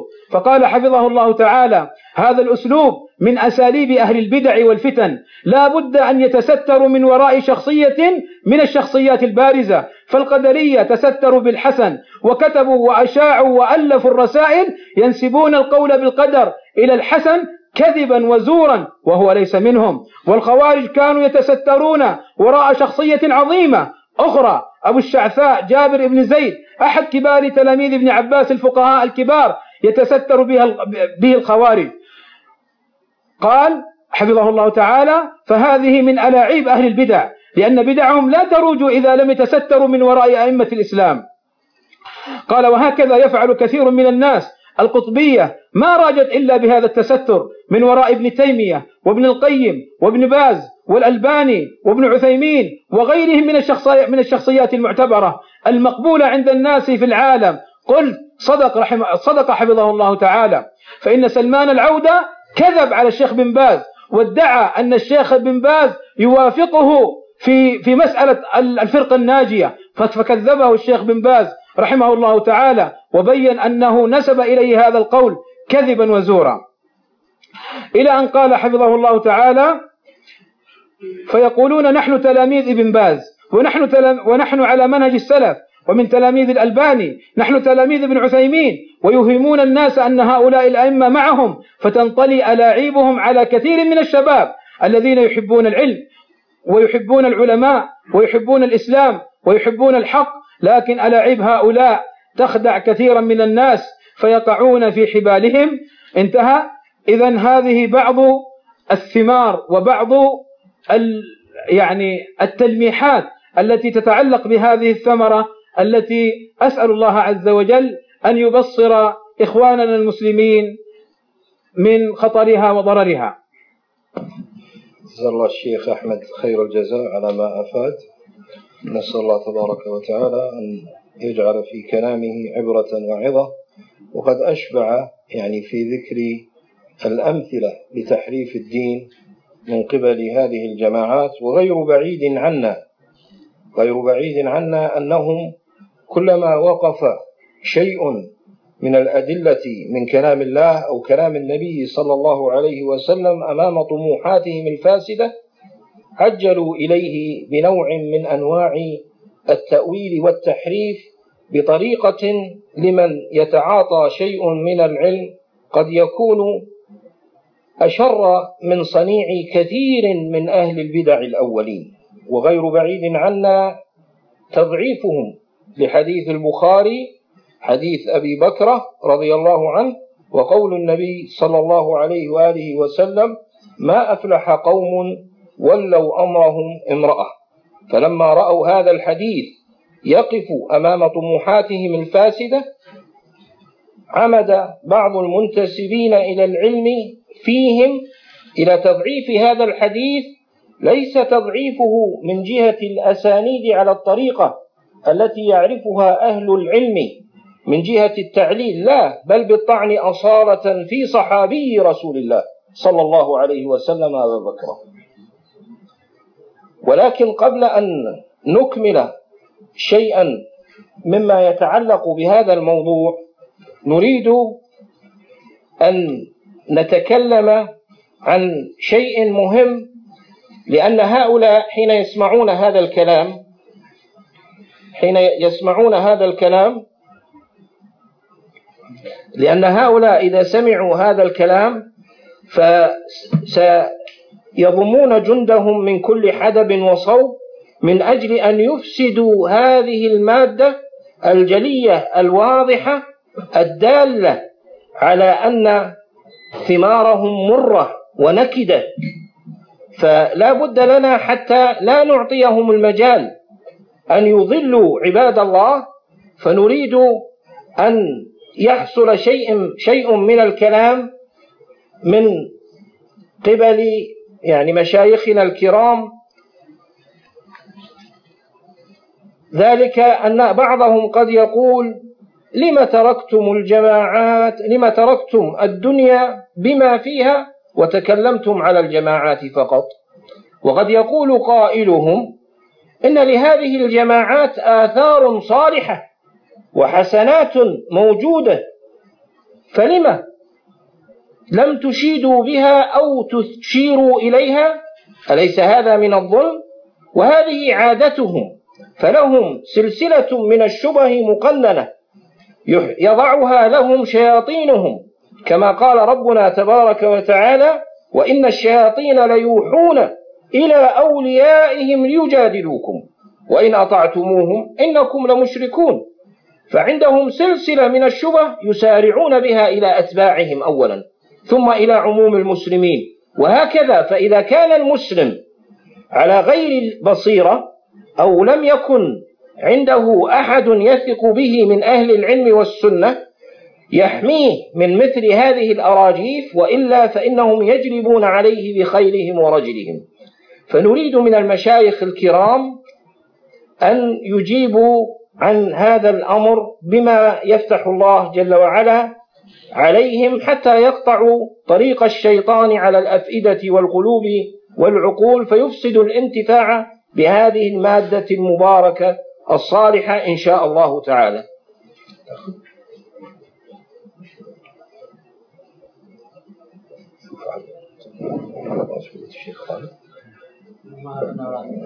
الحمد لله وصلى الله وسلم على نبينا محمد وعلى آله وصحبه.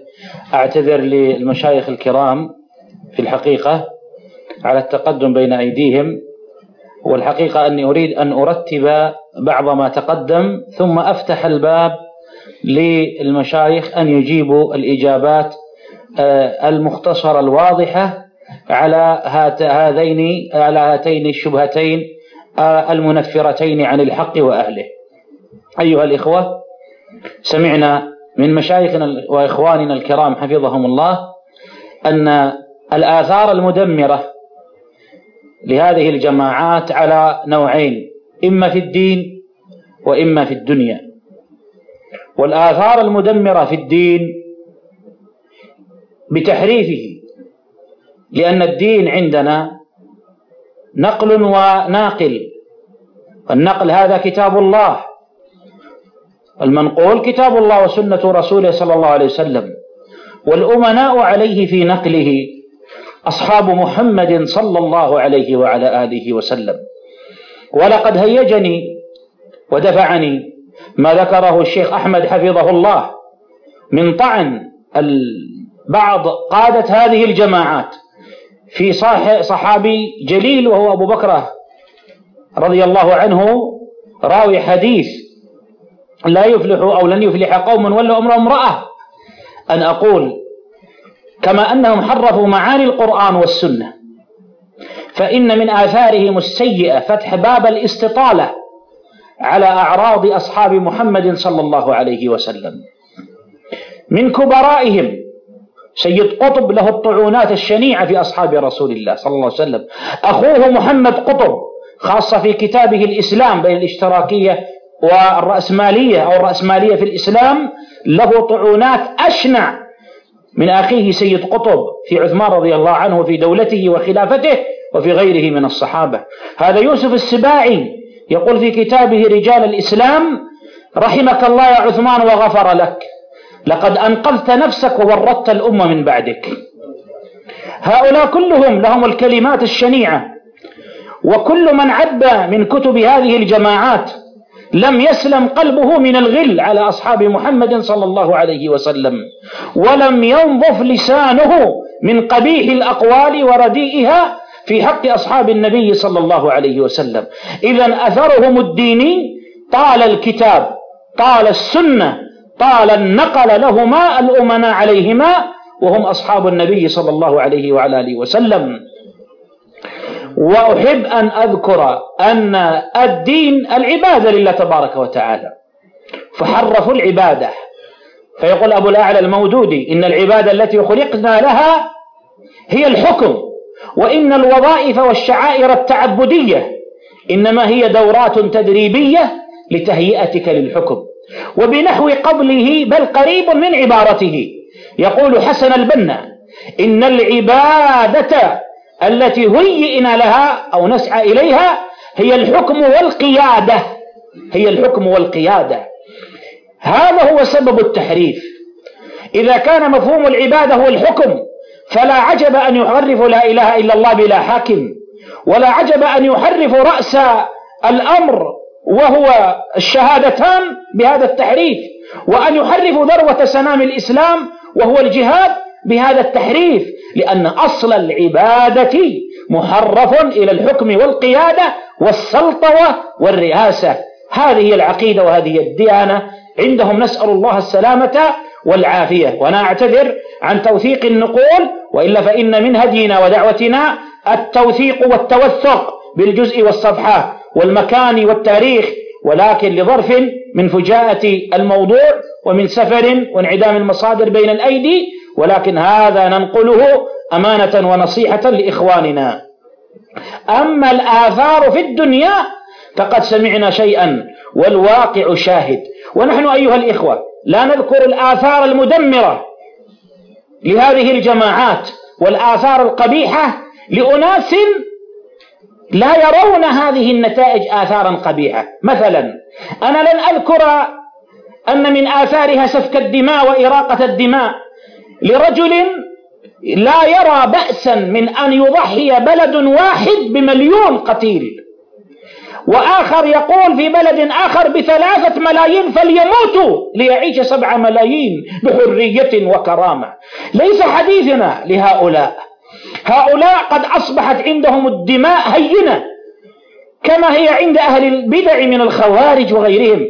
ولكن حديثنا أولا لصاحب السنة ليزداد ثباتا على الحق وتذكرة والذكرى تنفع المؤمنين. وثانيا لأخواننا وأمهاتنا وبناتنا ونسائنا في كل مكان الذين قد تصل إلى أسماعهم بعض الشبه التي سيجيب عليها المشايخ الفضلاء حفظهم الله تعالى فيتسبب ذلك ببعض الاضطراب والخلل وبعض عدم ثبات الموقف من هذه الجماعات.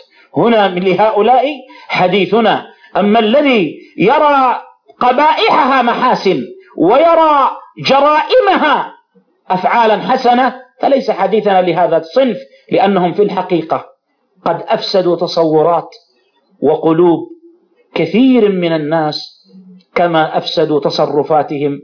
والله الموعد. جزا الله الشيخ ابن العباس خير الجزاء. على ما أفاد به من هذا البيان الواضح لهذه القبائح التي تثير حفيظة كل مؤمن بالله واليوم الآخر ومتبع للنبي صلى الله عليه وسلم. وقبل أن أحيل في جواب ما ذكر للشيخ خالد أقول أننا نتمنى صحيح أن مخاطبتنا هي لأقوام نرجو الله في بطبيعة الحال أن يحصل منهم الانتفاع. ولكننا أملنا في الله تبارك وتعالى ورجاؤنا فيه سبحانه وتعالى أن يعم النفع للجماعات نفسها. ولمن بلي بهذه الجماعات فلماذا لا يتوبون إلى الله تبارك وتعالى ويرجعون إليه؟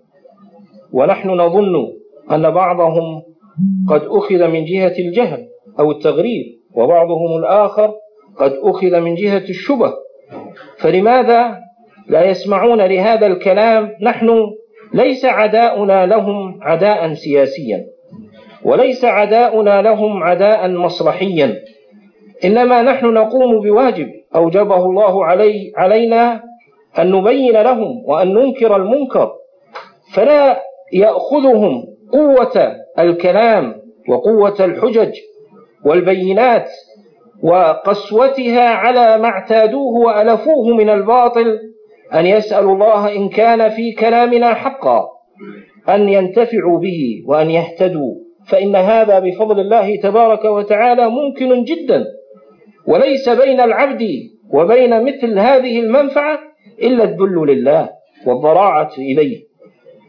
نعود إلى موضوعنا فقد يقول قائل تركتم الدنيا وتكلمتم في الجماعات ولهذه الجماعات آثار صالحة وعبادات وغير ذلك فلما لم تضعوها في الاعتبار فليتفضل مشكورا مأجورا شيخنا خالد وفقه الله وفتح عليه بما تيسر من الجواب عن هذه الشبهة.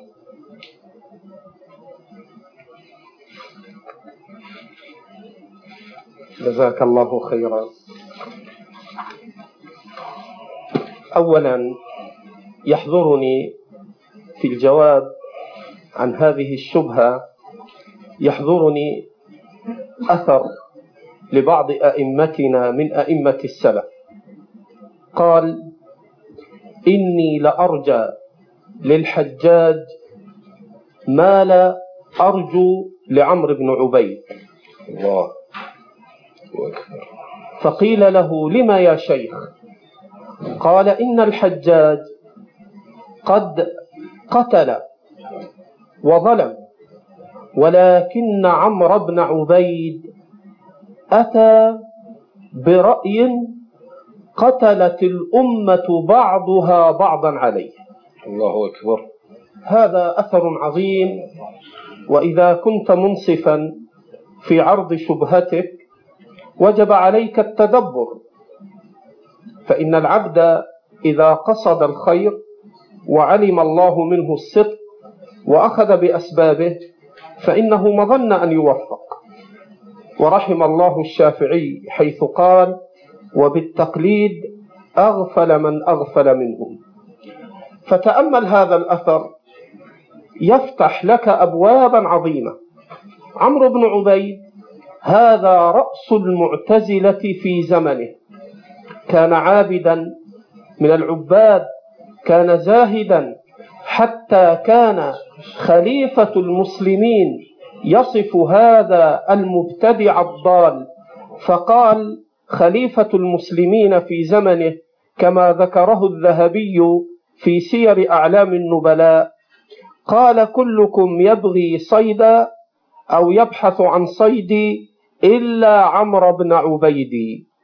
قال الذهبي بعد أن نقل هذا عن خليفة المسلمين قال عمرو قال الذهبي غره عبادته وزهده أو غره إخلاصه وزهده.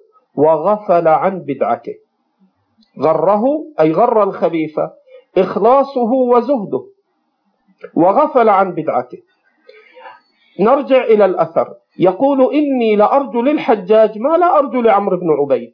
الحجاج ما حاله؟ كان حاكما باغيا سفاكا للدماء. في صحيح مسلم سماه النبي صلى الله عليه وسلم مبيرا.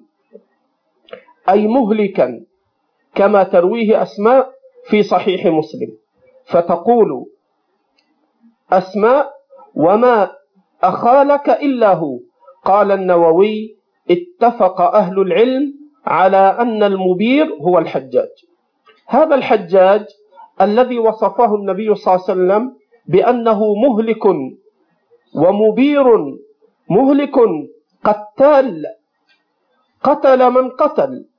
قتل جمعا كثيرا من أهل العلم وعلى رأسهم قتل عبد الله ابن الزبير وقتل سعيد بن جبير وفعل ما فعل وسفك الدماء وأدرك ذلك الصحابة.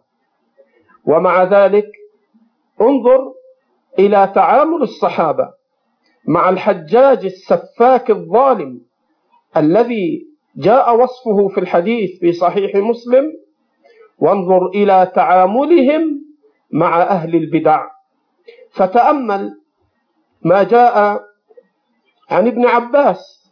قال أبو جمرة أتيت ابن عباس وهذا إسناد صحيح في التاريخ الكبير للبخاري روى البخاري بهذا الإسناد بعض الأحاديث في صحيحه وهو على شرط البخاري.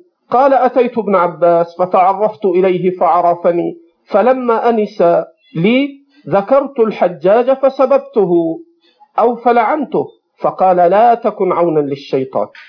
وانظر ما رواه البخاري من حديث الزبير بن عدي قال أتينا أنس بن مالك فشكونا إليه ما نلقى من الحجاج فقال اصبروا فإنه لا يأتي عليكم زمان إلا والذي بعده شر منه. حتى تلقوا ربكم سمعته من نبيكم. فتأمل موقف هذين الإمامين ابن عباس وأنس من هذا السفاك المبير كيف أنهم لم ينزعوا يد الطاعة من الخليفة ولم ينزعوا طاعة هذا النائب الذي كان أميرا من قبل الخليفة. وكيف كانوا يأمرون بالصبر وكيف, يم وكيف كانوا يمنعون من سبه حتى في المجالس الخاصة. فإذا جاء ذكر أهل البدع فانظر إلى شدتهم كما في صحيح مسلم لما قيل لابن عمر إنه قد ظهر قبلنا أناس يتقفرون العلم ويقولون أن لا قدر. فقال إذا لقيتهم فأخبرهم أنني براء منهم وأنهم براء مني. انظر هذا هو الفرق في التعامل مع ضرر الظلم ومع القصور إذا وجد في زمن من الأزمنة بعض التقصير من بعض ولاة الأمر. فانظر إلى تعاملهم في الصبر مع الولاة وإن حصل الظلم وإن حصل التقصير. وانظر إلى شدتهم على أهل البدع فإن غاية ما يفعل ذلك الحاكم أن يعطل حكما لله وأن يظلم وهو غير محمود بذلك ولا يقر على ذلك بل أوجب الشرع أن يؤتى إليه سرا فينصح ويؤمر وينهى وأن لا يتزلف بالباطل إليه. وأن لا تؤتى أبواب السلاطين ومن أتى أبواب السلطان افتتن كما صح في الحديث. بينما أهل البدع كما قال ذاك الفقيه العالم السلفي الرباني إني لأرجو للحجاج ما لا أرجو لعمرو بن عبيد. ماذا أصل عمرو بن عبيد؟ أصل اعتقاد المعتزلة نفى القدر واتهم الله عز وجل بالظلم فيما يدعونه العدل. وأنه فرض على الله أن يفعل كيت وكيت وأن لا يفعل كيت وكيت. إلى غير ذلك. فإذا جئت إلى السنة فانظر إلى شدة النبي صلى الله عليه وسلم على الخوارج مع عبادتهم مع زهدهم مع ورعهم. فقال عليه الصلاة والسلام يقتلون أهل الإسلام ويدعون أهل الأوثان. لئن أنا أدركتهم لأقتلنهم قتل عاد. طوبى لمن قتلهم أو قتلوه. وفي رواية لأقتلنهم قتل ثمود. طوبى لمن قتلهم أو قتلوه. فلماذا هذه الشدة على أهل البدع الضلال؟ يحقر أحدكم صلاته مع صلاتهم وصيامه مع صيامهم. فهم عباد زهاد فاقوا في عبادتهم أصحاب النبي صلى الله عليه وسلم كثرة حتى يحقر الصحابي عبادته مع عبادتهم. ذلك أنهم أفسدوا أصل الدين. ذلك أنهم فتحوا باب الشر على المسلمين من تحريف الكتاب ومن تنزيل الكتاب على غير تأويله ومن إراقة الدماء وقطع السبل ومن الأعراض التي ينتهكونها وكل هذا مفاسد عظيمة. لذلك لا يقاس الظلم بالبدعة فإن البدعة شر وأدهى وأمر كما جاء عن النبي صلى الله عليه وسلم إن الله احتجز التوبة عن كل صاحب بدعة. وكان يخطب فيقول شر الأمور محدثاتها. فإذا كان الشرع أوجب علينا أن نبين حال هؤلاء وأن نصدع بضلالهم وأمرنا الشرع أن نسمع ونطيع لولاة الأمر وأن نصبر على الجور إن وقع وأن ندعو لهم بالخير والهدى والصلاح وأن نناصحهم سرا فكيف تريد أن تسوي بين ما فرق الشرع بينه؟ فهذا جهل بمقاصد الشرع.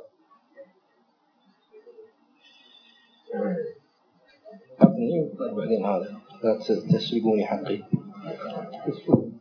الله المستعان. جزا الله الشيخ خالد خير الجزاء على هذه الإجابة الواضحة لمن كان مراده الحق. وخلاصة جواب الشيخ نستطيع أن نقسمه إلى قسمين. القسم الأول أن سبب تركيزنا على هذه الجماعات دون سائر الشرور وإهمالنا ذكر ما يصور أو يقال أنه من حسناتها أمرين. الأمر الأول أن ضررهم منصب على الدين ومفسدتهم في الدين. أما الباطل الآخر من الإلحاد والنفاق والفجور فعامته يكون معلوما لعامة المؤمنين فضلا عما ضمنه الشيخ وفقه الله تبارك وتعالى من أن هذا من هدي السلف الصالح الرد على أهل البدع والإنكار عليهم. أما المسألة الثانية وهي لماذا لا تعتبرون يعني ما يجري من ظاهر حسناتهم وركز على ظاهر حسناتهم. لأن دعوى الحسنات يحسنها كل أحد. فنقول لأن أصحاب النبي صلى الله عليه وآله وسلم حين ينكرون منكرا معينا لم يكونوا يعتبرون حسنات الفاعل. فهذا عبد الله بن عمر رضي الله عنهما مثلا حين جاءه ذاك المؤذن مؤذن ينادي للخمس وأي خير يفترض فيه؟ وقد قال النبي صلى الله عليه وسلم في المؤذنين أنهم يعني فيهم من الفضل ما فيهم. فيأتيه فيقول لابن عمر أنا أحبك في الله. فيقول له عبد الله بن عمر رضي الله عنهما وأنا أبغضك في الله لأنك تلحن في آذانك وتتخذ عليه أجرا. فلم لم يعتبر عبد الله بن عمر حسنات هذا الرجل وهو من خيرة الناس مؤذن في زمن الصحابة. فيدل على أن هدي الصحابة لم يكن فيه اعتبار الحسنات بل هذا هو مضمون متضمن ومنطوق كلام النبي صلى الله عليه وآله وسلم من رأى منكم منكرا فليغيره بيده فإن لم يستطع فبلسانه وإن لم يستطع فبقلبه. هم هؤلاء يقولون لا لا تنكر عليه حتى تنظر حسناته. فهم في الحقيقة هذا يحسن أن يكون مثالا صالحا لتحريف الدين. أن يكون مثالا صالحا لتحريف الدين لأنهم يشترطون أن تنظر في حسنات من تنقده. وهذا خلاف ما أمر به النبي صلى الله عليه وسلم. ونحيل الميكروفون إلى الشيخ أبو الفضل وفقه الله تعالى. بارك الله فيكم. ما مثلي إلا كما قال آه، عمر رضي الله عنه في وفاة النبي صلى الله عليه وسلم عندما هيأ كلاما في نفسه قال فوفى الصديق رضي الله عنه بكلام كان أراد أن يقول عمر وزيادة. والشيخ خالد جزاه الله خير. ما ترك لنا ما ترك لنا شيء جزاه الله خير. الله يحفظهم ولكن الناظر في كلام السلف وفي التراجم في تراجم أهل البدع. آه، ومن الزهاد يرى أن السلف كانوا يطعنون فيهم ولا ينظرون إلى العبادة والتقشف وما عندهم من الخير. والناظر كذلك في في عقيدة بالطهر السلفي في السير في وصفه لثور ثور بن يزيد كقوله وثور كاسمه أو شئت فقله يعني روث. نعم. وحفص الفرد قرد بافتعال.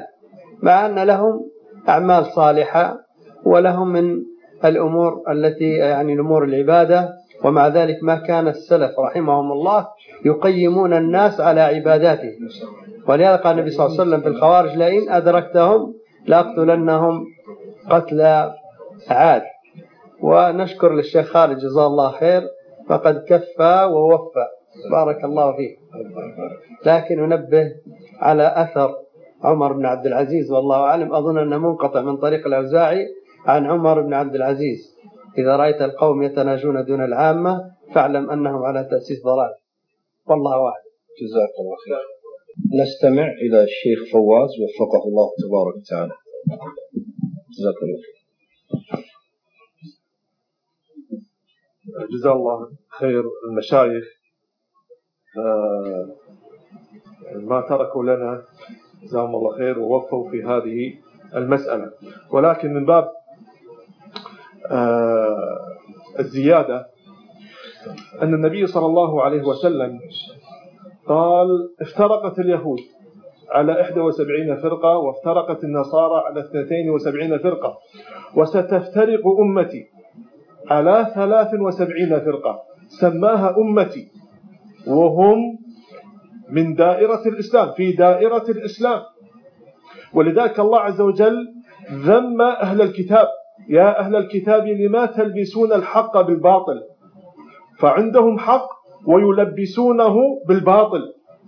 فلذلك شيخ الإسلام ابن تيمية رحمه الله تعالى في منهاج السنة النبوية لما ذكر قول النبي صلى الله عليه وسلم شر قتل تحت أديم السماء قال أن أهل البدع يفسدون قلوب المسلمين وعقيدتهم وأن أهل الكتاب والكفار إنما يفسدون دنيا المسلمين دنياهم يأخذون دنياهم.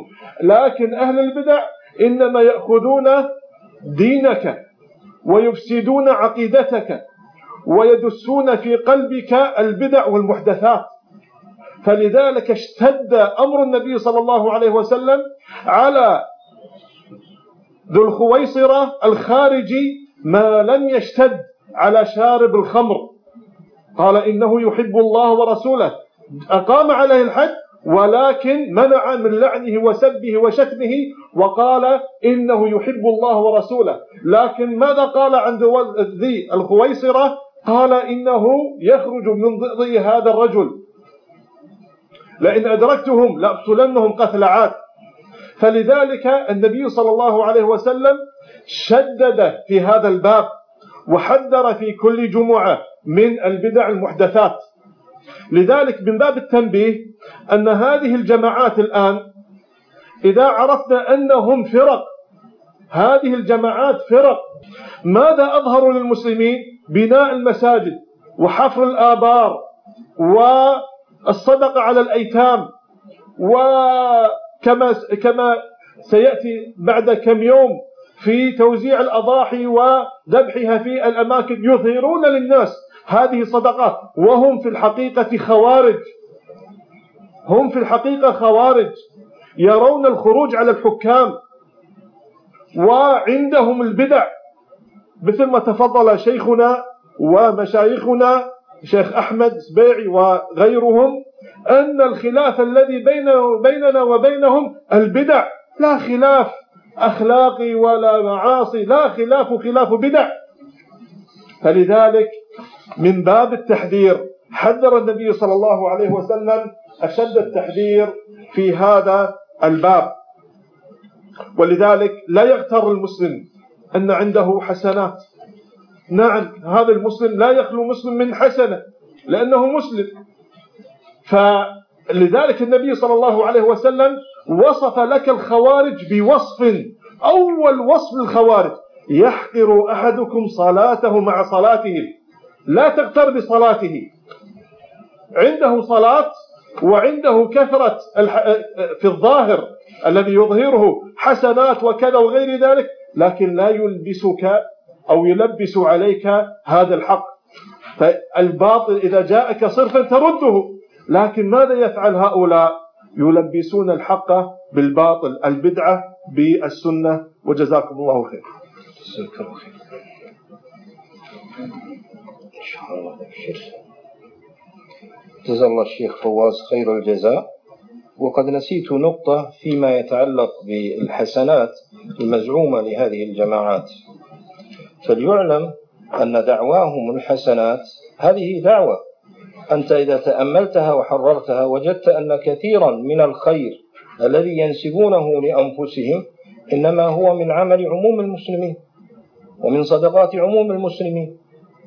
فينبغي أن يعلم هذا الأمر فإنهم يتكثرون بدعوى الحسنات. وإذا حقق المحقق وجد أن الأمر ليس بالحجم الذي يذكرونه وأن هناك مبالغة. الشيخ أحمد يرغب في إضافة فليتفضل. بسم الله الرحمن الرحيم. آه تتميما لما قاله أخونا دكتور فواز العوضي حفظه الله تعالى فقد ذكر بعض السلف أن الشيطان يتصيد بأهل البدع, بأهل البدع بحسن خلقهم وتعاملهم يتصيد بهم العوام. فالشيطان يصور لك العالم السلفي أنه شديد أو أنه غليظ وأن هذاك صاحب البدع هين لين آه، حسن التعامل فتكون فريسة له. آه، أيضا أريد أن أشارك بأمر مهم وهو تأملوا إخواني. هؤلاء الآن يقولون أنتم يا السلفيون تطعنون في إخوانكم من الجماعات وسلم منكم أهل الكفر. الجواب عن هذا نحن نطعن فيكم بحق أم بباطل؟ بحق بما دل عليه الشرع.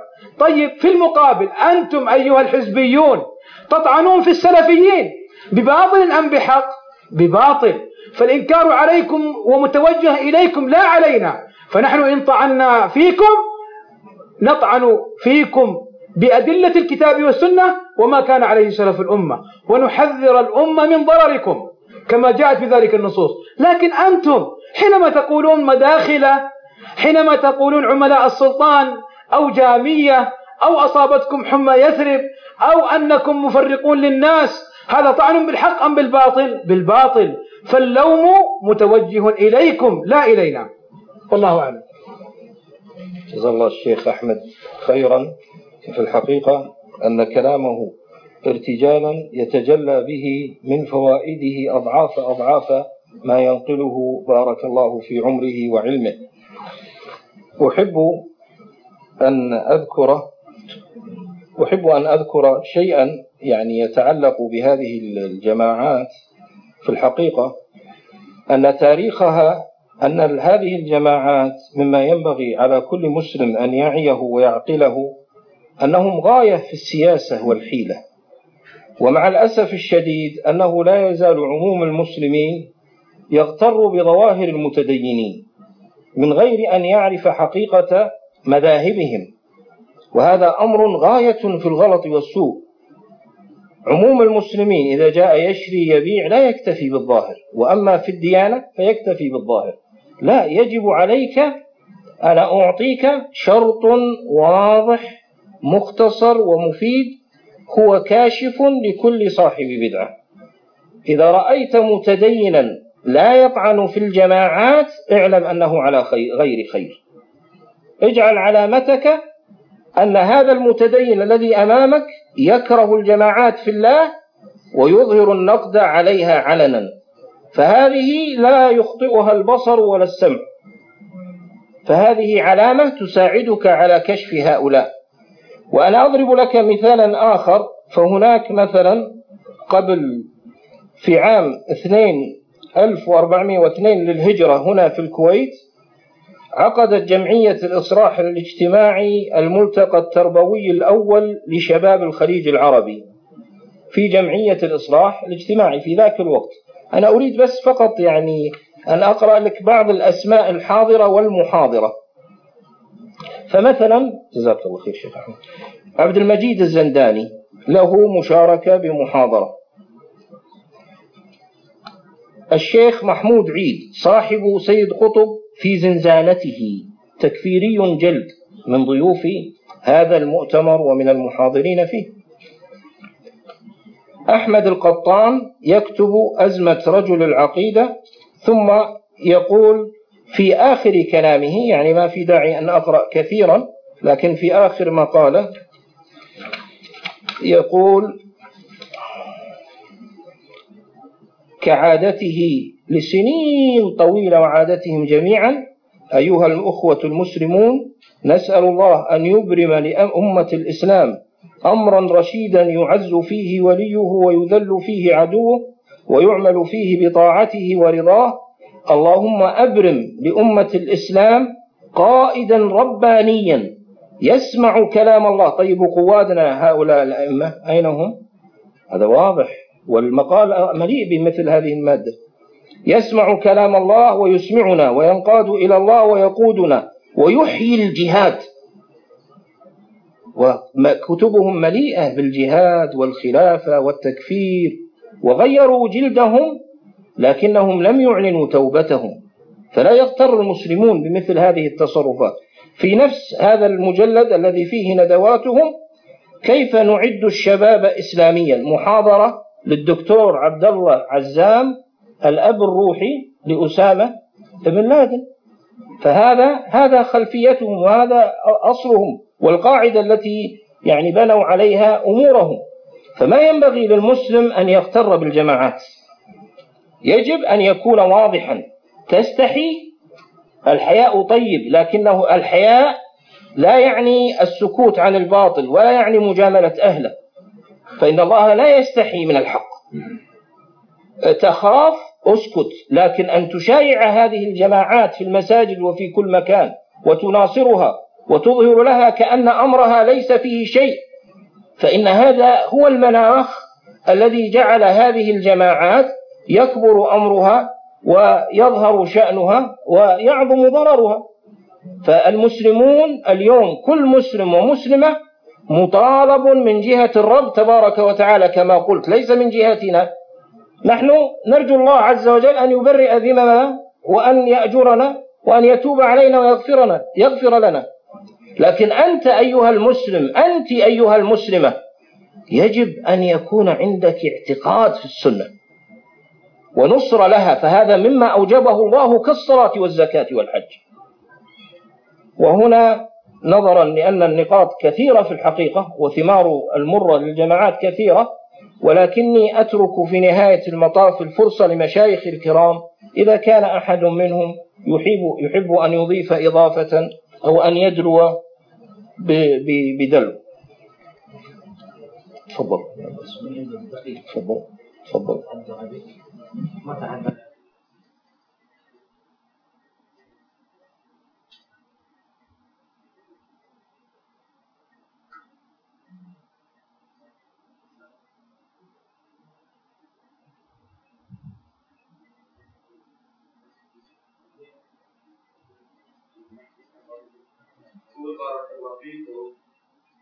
يعني الحمد لله أرجو أن يجعل الله أن يجعل الله عز وجل في هذه الكلمات خيرا لقائليها وسامعيها. وأختم ما عندي في هذا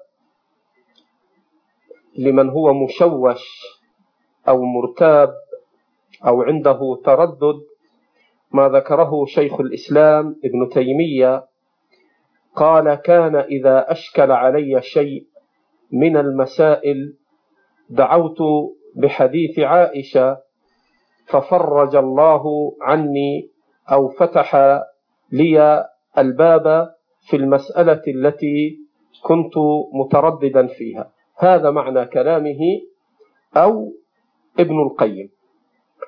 وهذا الذي يقصده شيخ الإسلام إما ابن تيمية أو ابن القيم هو ما رواه مسلم في صحيحه من حديث عائشة رضي الله عنها أن النبي صلى الله عليه وسلم كان من دعائه إذا قام بالليل أن يقول اللهم رب جبرائيل وميكائيل وإسرافيل فاطر السماوات والأرض عالم الغيب والشهادة أنت تحكم بين عبادك فيما كانوا فيه يختلفون. اهدني لما اختلف فيه من الحق بإذنك إنك تهدي من تشاء إلى صراط مستقيم. فإذا كان النبي عليه الصلاة والسلام يدعو بهذا الدعاء وهو على نور من ربه وهو رسول الله عليه الصلاة والسلام وخليل الله فما بالك بحالنا وحال غيرنا؟ فالدين لا يؤخذ إلا بالافتقار إلى الله مع العلم, مع العلم النافع ومع القصد الصالح. نسأل الله أن يوفق الجميع.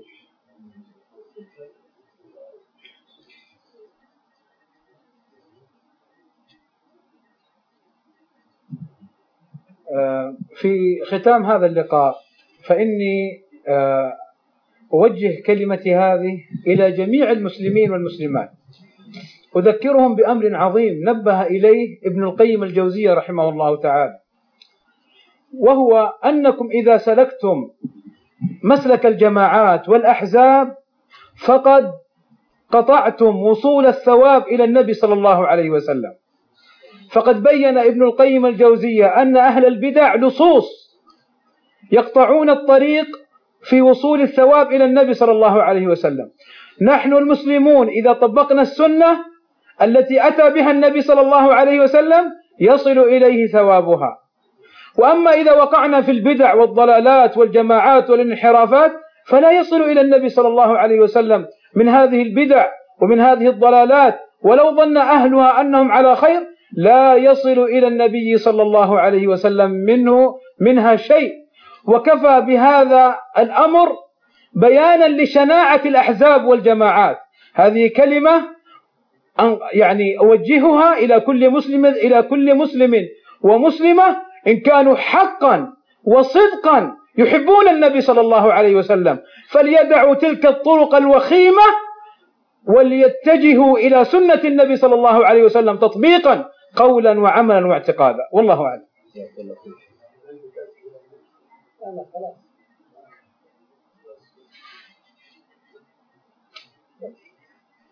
لله رب العالمين وصلى الله وسلم على نبينا محمد. جزاكم الله جميعا خير الجزاء وأسأل الله أن يأجر الجميع.